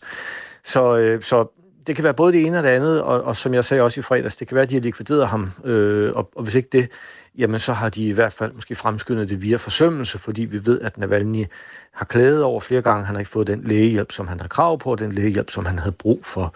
Øh, så, og, så det har selvfølgelig været enormt vanskeligt for ham. Og historien, den er jo også, at de allerede har jo, øh, kan man sige, prøvet at lave et attentat med ham, hvor, hvor han så ligesom fik gift og, og måtte øh, ud af Rusland og plejes i, var det Berlin øh, på et hospital, og, og, ja, og kom sig. Ja. Øhm, og, og så nu kom tilbage. Ja, det, det er og, rigtigt. Og, og, altså, du ved, hvor de har jo, og det ved jeg så ikke, at det så også verificeret, at, at det er Rusland, der står bag øh, det øh, giftattentat, han blev udsat for dengang. Ja, det er det jo så meget, som, Så som vi nu kan gøre, ikke? fordi russerne, russerne vil jo insistere på, at de ikke har gjort det. Og det er den forfærdelige situation, som vi er endt i, jo ikke kun med Rusland, men generelt. Der, hvor vi står i dag med rigtig mange spørgsmål, store spørgsmål, mm. det er jo, at vi netop sådan hele tiden kan vende tilbage og sige, er vi nu også sikre? Fik vi det faktisk bekræftet? Hvad skete der egentlig der? Ikke? Øh, fordi russerne har jo i, i betydelig omfang, øh, myndighederne har haft held til at, øh, at gøre folk i tvivl om det. Ikke? At sige, jamen prøv at, der, der er ikke nogen forgiftning, eller jo, der var en forgiftning, men det var hans egne folk, der gjorde det, eller jo, der var en forgiftning, men det var tyskerne, der stod bag, eller ja. hvad det nu skulle være. Ikke? Mm. Så enormt mange forskellige fortællinger, og det er jo noget af det, jeg sidder og arbejder med sådan generelt, hvordan man bruger desinformation, og hvordan stater tænker om det, og specifikt hvordan russerne bruger det. Og det er blandt andet at, øh, at forstyrre nyhedsbilledet, så folk, hvis vi nu forestiller os, at vi tager ud i verden til Indonesien, eller Nigeria, eller Argentina, eller noget, og spørger folk, hvad skete der lige med det og det, så vil de sige, jamen det fandt vi vist aldrig rigtigt Ja. ud af. Og, og, og- og vil du også sige, Flemming, at, at det er, altså hele det her øh, lejen kispus med, med Navalny's mor og hans kone og hans advokater, altså det her med, de må ikke få lov at se hans lig, øh, og nu fortæller øh, de fortæller os ligesom at personale ved kapellet, at, at, at de, skubber, de skubber advokaterne ud, øh, så ingen ved ligesom rigtigt, hvor det der lige er. Altså, at, handler det også om det samme? Et forsøg på at gøre alle så forvirret, så man går rundt og siger, blev han egentlig slået ihjel, eller lever han endnu? Ja, det, det kan, noget af det kan være ren chikane, øh, og, og så kan det være et spørgsmål om at, øh, at skabe forvirring, måske øh, øh, dække over nogle spor. Altså vi skal jo forvente, øh, at, at det der kommer fra Rusland, kan vi jo ikke stole på. Øh, og, og det er jo en forfærdelig situation at være i, så selvom der bliver gennemført en, en, øh, et, et, et, et syn af ham, øh, så, så vil vi jo ikke kunne stole på det, de finder. Øh, og, og sådan er det bare. Øh, så, så hvis de siger et, jamen så, så er det ligesom det, vi har forholdt os til, men, men vi kan ikke regne med, at det passer. Så det vil være svært i sidste ende at nå til bunds i, hvad der faktisk øh, skete øh, med Navalny her i, i fredags, og, og det må vi bare erkende, at det er vilkårene, som de er i dag, især når det gælder Men det ser jo mærkeligt ud. Altså folk, øh, der er imod Putin på den ene eller den anden måde, falder ud af vinduer, eller dør i trafikale øh, omstændigheder, eller, eller selv vælger øh, at hoppe øh, øh, ud af, af et eller andet.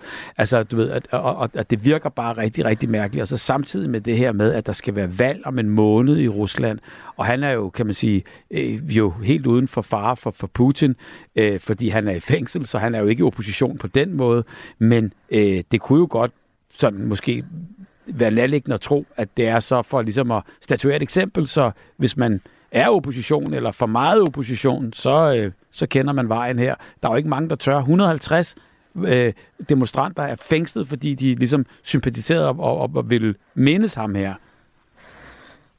Ja, det er rigtigt. Øh, og og det, er, det er jo oplagt, øh, at styret vil af med Navalny, det er der ikke nogen tvivl om. Altså, de har jo, som siger det ikke, de har forsøgt tidligere, og det er oplagt. Og det her, det kunne være sådan en plan B, som Putin har sagt. Prøv at, kan jeg ikke nu mislykkes det her med at slå ham ihjel direkte? Kan vi ikke få en, kan ikke få en plan B, så vi gør det på en anden måde?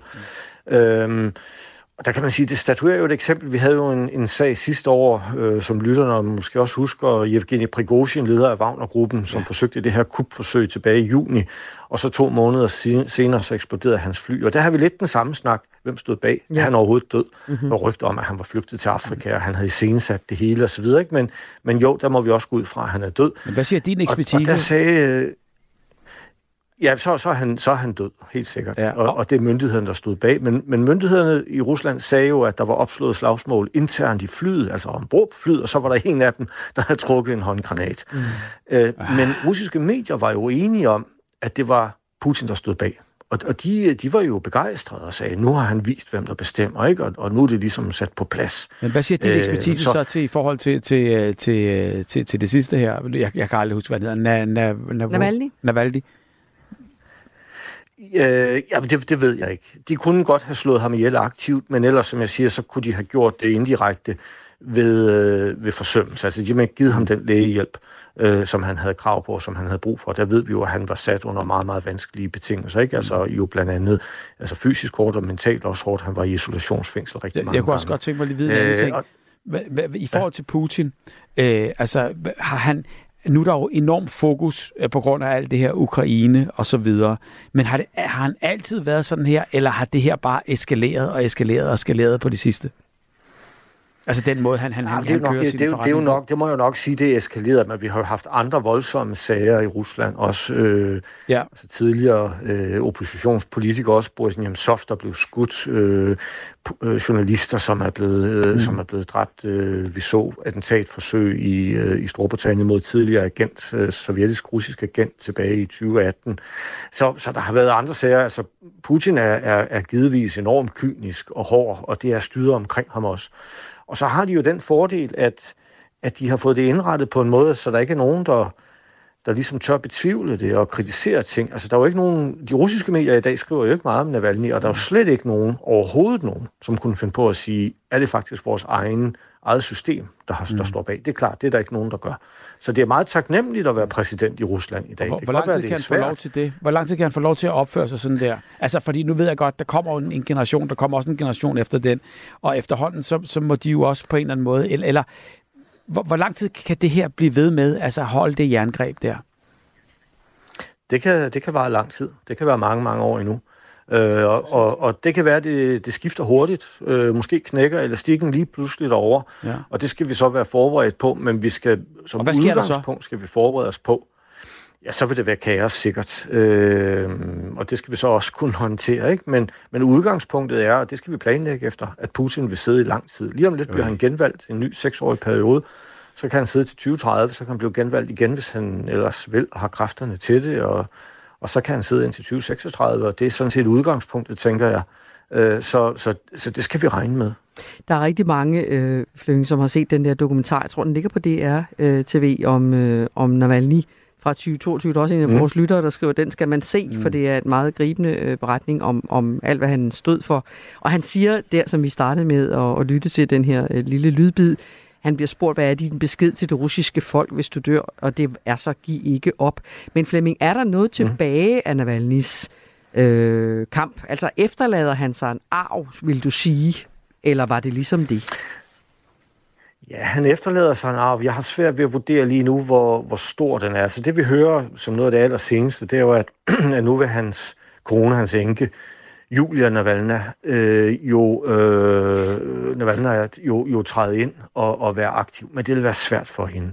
Øh, hun er ikke i Rusland, hun har ikke politisk erfaring, hun har ikke stillet op til noget valg. Hun er ligesom, hun er kendt for at være Navalny's kone, ikke? Og, og, og, og det, det må hun så prøve, og, og det er jo prisværdigt og modigt af hende. Øh, det bedste eksempel, øh, den er- analogien, det er jo fra Belarus, også et stærkt undertrykkende styre, hvor Svetlana Tikhanovskaya jo stillet op. Mm-hmm. Hendes mand sidder fængslet, og hans skæbne er uvis, men, øh, men hun stiller op til præsidentvalget og klarer sig rigtig fint, men hun lever jo nu i eksil, det er hun nødt til.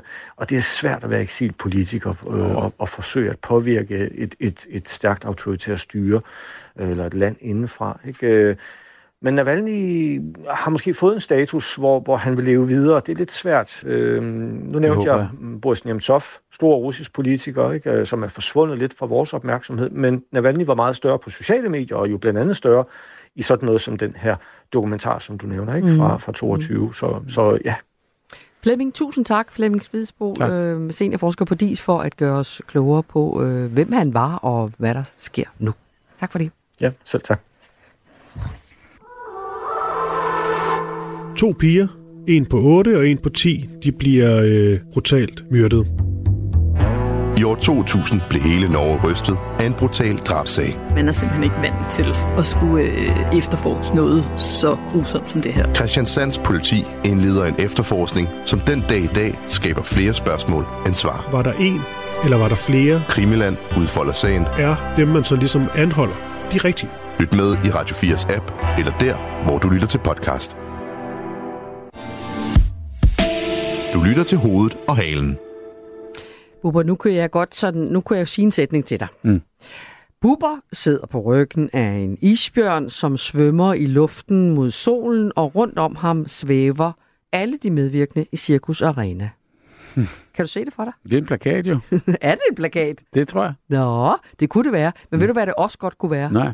Hvis jeg siger det det rigtige sted til det rigtige Nå. nye værktøj, ja, nu ved du, hvor jeg er hen, ikke? nemlig det, der hedder Sora, så er det faktisk sådan, at så vil den her kunstige intelligens Sora i løbet af få minutter fabrikere En lille video. en video. Ja. Er det ikke vildt? Det er det. Altså, det er jo, øh, det er jo ikke mere vildt, end man kan, man kan fantasere om det, men at det kan lade sig gøre, mm. det synes jeg er, er sindssygt. Og hvor mange gange har man ikke bare tænkt, det, altså, du ved, det der med at lave en film, eller det der med at lave et indslag, eller, åh, det så, og så kom telefonen, så blev alt øh, ringet hjem øh, på, på den her mm. måde. Og, øh, og det der med at tage ud i virkeligheden, nej, vi, vi ringer bare. Altså, du ved, nu, nu, nu, behøver man jo slet ikke at forlade noget som helst. Nu kan man gøre det hele. Man kan få lavet musik, og man kan få lavet øh, sine øh, tekster, og man kan få lavet øh, sine videoer og billeder mm. øh, på, på kunstig intelligens. Men det er jo desværre kommet for, eller desværre, desværre, altså ja, det, det, det kom for at blive. Men vi- du kiggede vel lige, du og jeg, inden vi gik i studiet, du kiggede også på nogle af de der videoer, ikke? Også hvordan Mhm. de så ud. Mhm. Synes du, det så virkeligt ud, eller synes du, du tænkte, ah, det der, det er Nej. der nogen, der har siddet og fabrikeret? Altså, det eksempel, der er, som jeg forstår, ikke øh, er andet end et eksempel. Det, det, det kan ikke helt lade sig gøre, øh, i hvert Du, fald vi, for du og jeg kan ikke gøre det, nej. Det er ikke tilgængeligt for offentligheden. Men, men nogen kan gøre Nogen det, kan gøre det. indtil det så bliver frigivet på, på, på et givet tidspunkt, Mhm. mm-hmm. vel øh, altså om i år morgenagtigt. Måske. Øhm, der, der, der, der ser det jo fuldstændig ægte ud. Jeg så et eksempel på øh, to Labrador-valpe, tror jeg det var, der rystede sne af sig i, øh, i tætte billeder øh, i, i, øh, i sådan en snedynge. Så det rigtigt Og der var du? ikke én ting, for jeg sad og kiggede på, fordi det der med, når sneen ligesom kommer op på pelsen og falder ned, og der er man jo vant til ligesom, du ved, at, at kunne, kunne se, fordi der er noget med en computer, der skal laves nogle ting, der er rigtig svært. Og, øh, og, og, og der prøvede jeg virkelig at kigge efter. Jeg kunne ikke se, at det ikke var ægte. Nej. Der var en helt close-up af, af, et, øh, af et, øh, et menneske. Det var en, en, en herre, som stod med gråt skæg og briller og, og hat og i sådan en alpemiljø hvor jeg bare tænker, at han vendte sig lige om der i, i, i, i det korte klip, jeg lige så. Altså, og hvor man tænker bare, tænk, at han findes ikke. Altså, hvis, hvis man skal lede efter ham, eller hvis man skal finde ham et eller andet sted, så vil det være fuldstændig umuligt. Men hvis du tager hans næse, hans briller, hans ører, hans øjenlåg, altså, så er det jo som sammenstykket for alle mulige andre nu, nulevende personer, mm. eller, eller personer, man har fundet på nettet, og så er han så sammenstykket. Og man sidder og kigger, altså, det er, jeg vil aldrig, aldrig være i tvivl om, om, om det er ikke er ægte. Men det var det så ikke. Nej. Den her amerikanske teknologivirksomhed OpenAI, som mm. Mm. har opfundet det her værk, øh, værktøj, øh, hvor man med ganske få klik kan omforme teksten til mere eller mindre virkelighedstro videoer. Ja. Øh, det, det, det er ikke tilgængeligt, som jeg sagde før, det er ikke tilgængeligt for offentligheden Nej. endnu. Det hedder Sora, og nu har vi Christiane Vejlø med os. Velkommen, Christiane. Mange tak skal du have. Digital trendanalytiker og forfatter til bogen Argumenter for mennesker. Og uh, Christian, nu prøver vi ligesom uh, Bubber og jeg at forklare, hvad det er. Altså, ja. hvad det er. Men kan du forklare, hvad den her teknologi Sora kan? Altså, hvordan kan det, hvordan kan det, uden at du behøver at være langt inde i maskinrummet, så alligevel, hvordan kan det sig Mhm. gøre? Jamen, jeg tænker, mange af os måske allerede har leget med nogle af de her øh, AI-sprogmodeller, hvor man kan sige en kommando til dem, og så får man enten et tekstsvar eller et billedsvar. Mm-hmm. Og det her er så ligesom, ligesom next level øh, med videosvar, kan man sige. Og, og på den måde er det så muligt at ligesom forestille sig noget ind i hovedet, og så få det visualiseret ud som, som et lille klip. Og det er jo helt rigtigt, som Bubber også siger, jo på baggrund af en hel masse data, som ligger derude. Det kan være internet, det kan være en database, og vi, vi er faktisk ikke engang helt klar over præcis, hvad der bliver trukket på, men øh, der bliver i hvert fald lavet en form for patchwork, og så er det det endelige resultat. Ja, hvor kommer den næse fra, Christiane? Altså, hvad, hvis, ja, hvis men det er næse det, der har også de er sådan hugget? lidt, lidt tricky ved det her, det er jo, at, at øh, rent rettighedsmæssigt fra det perspektiv, så er det jo svært at gå ind og sige, jamen altså, øh, det er lige det her billede, som den her fotograf har taget, som så skulle nok også have nogle penge for, at vi bruger det. Så der er selvfølgelig en hel masse problematikker omkring rettigheder, der knytter sig til det, hele den her AI-teknologi. Ja, det, er ikke, det er ikke næse, det han, den har opfundet, den der teknologi. Det er en, den har taget et andet sted fra. Det er nogens næse.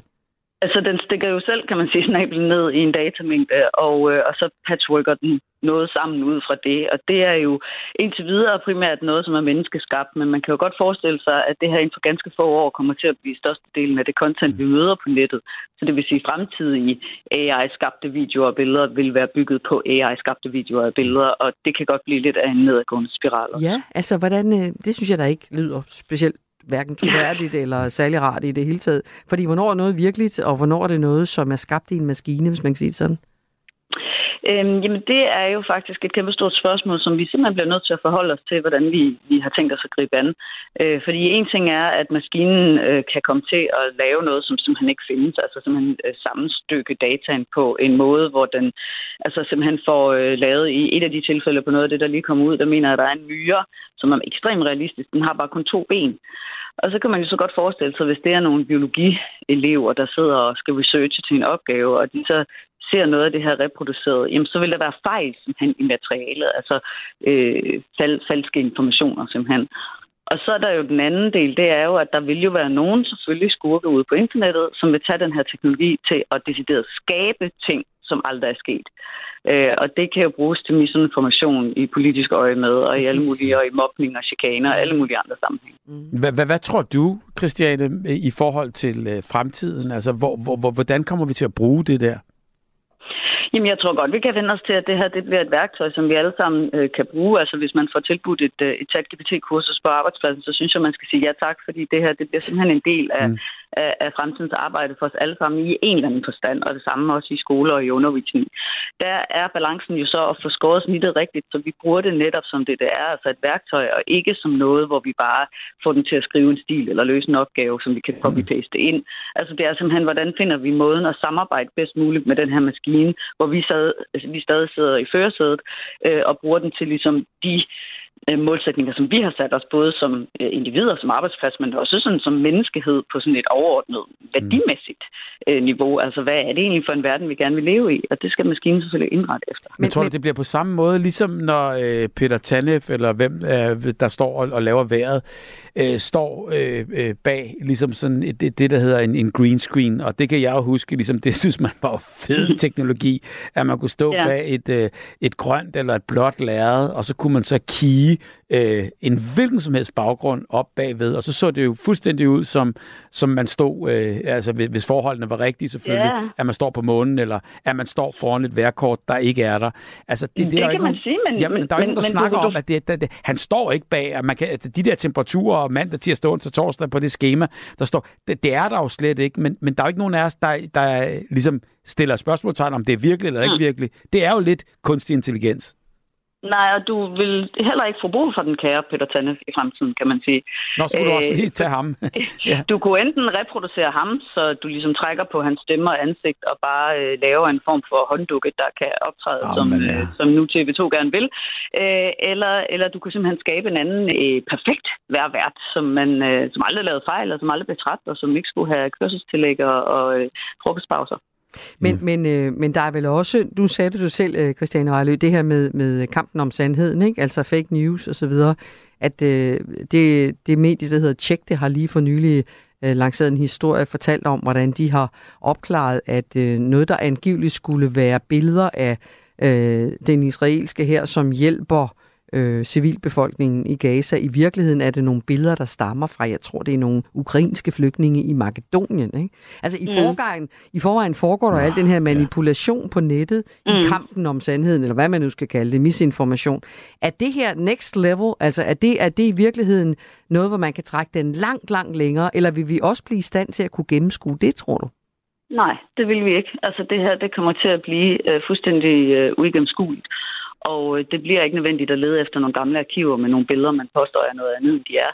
Øh, Vi laver dem bare, hvis det er, vi skal bruge dem. Og der kan man så sige, at øh, der er masser af kommersielle anvendelsesmuligheder for det her. Man kan jo lave reklamekampagner, man kan lave billeder af biler, der kører, eller folk, der står på sne, ski, eller Og spillefilm, altså alle ja, alt.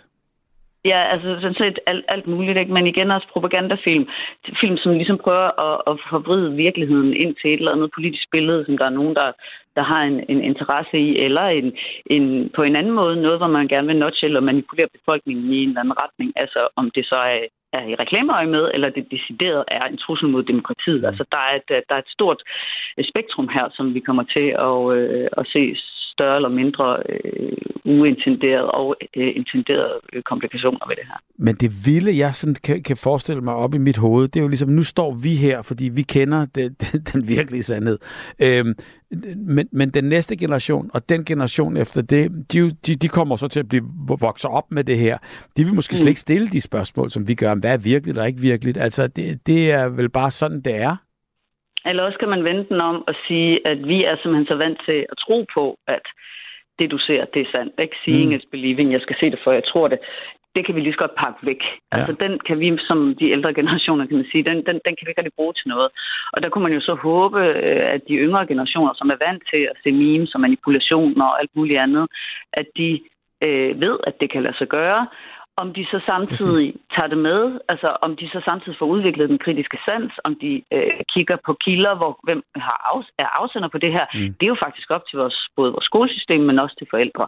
Og det er sjovt, fordi det er jo tit folk siger, at jeg ved ikke så meget om teknologi, men det er sådan set ikke så meget det, det handler om, hvis man skal prøve at lære sine børn noget om det her. Det er øh, være kritisk, Sørg for, at du ved, hvem der afsender. Øh, vær kildekritisk mm. og øh, skeptisk. Ikke? Og, øh, og vær et ordentligt menneske også. Altså, du skal ikke lave en, en øh, film, hvor du får Olivia fra parallelklassen til at gøre et eller andet, hun aldrig har gjort. Øh, mm. Det er både etisk uforsvarligt og formentlig på et tidspunkt også ulovligt. Opdragelse. Tak skal du have, Christine Vejlø, fordi du gjorde skide bange. Øh. ja, undskyld, så godt. jo, tak lige måde. Rigtig, rigtig god dag, og tak, tak skal du have, fordi du var med her. Hej, hej. Øh, Christiane hej. Vejlø, som altså er øh, digitalt uh, trendanalytiker og forfatter til den bog, der hedder Argumenter for mennesker, hvor vi når ikke mere. Uh, det var, hvad vi nåede i dag. Uh, I morgen er der en ny dag med en ny gæstevært. Det er Øslem Sikkert, som kommer i morgen og skal gøre mig selskab. Med tusind, tusind tak, fordi du havde lyst til at være her i dag. Og tak fordi jeg måtte, og hils. Og god cirkussæson. Hej, tak. Du har lyttet til en podcast fra Radio 4. Find flere episoder i vores app, eller der, hvor du lytter til podcast.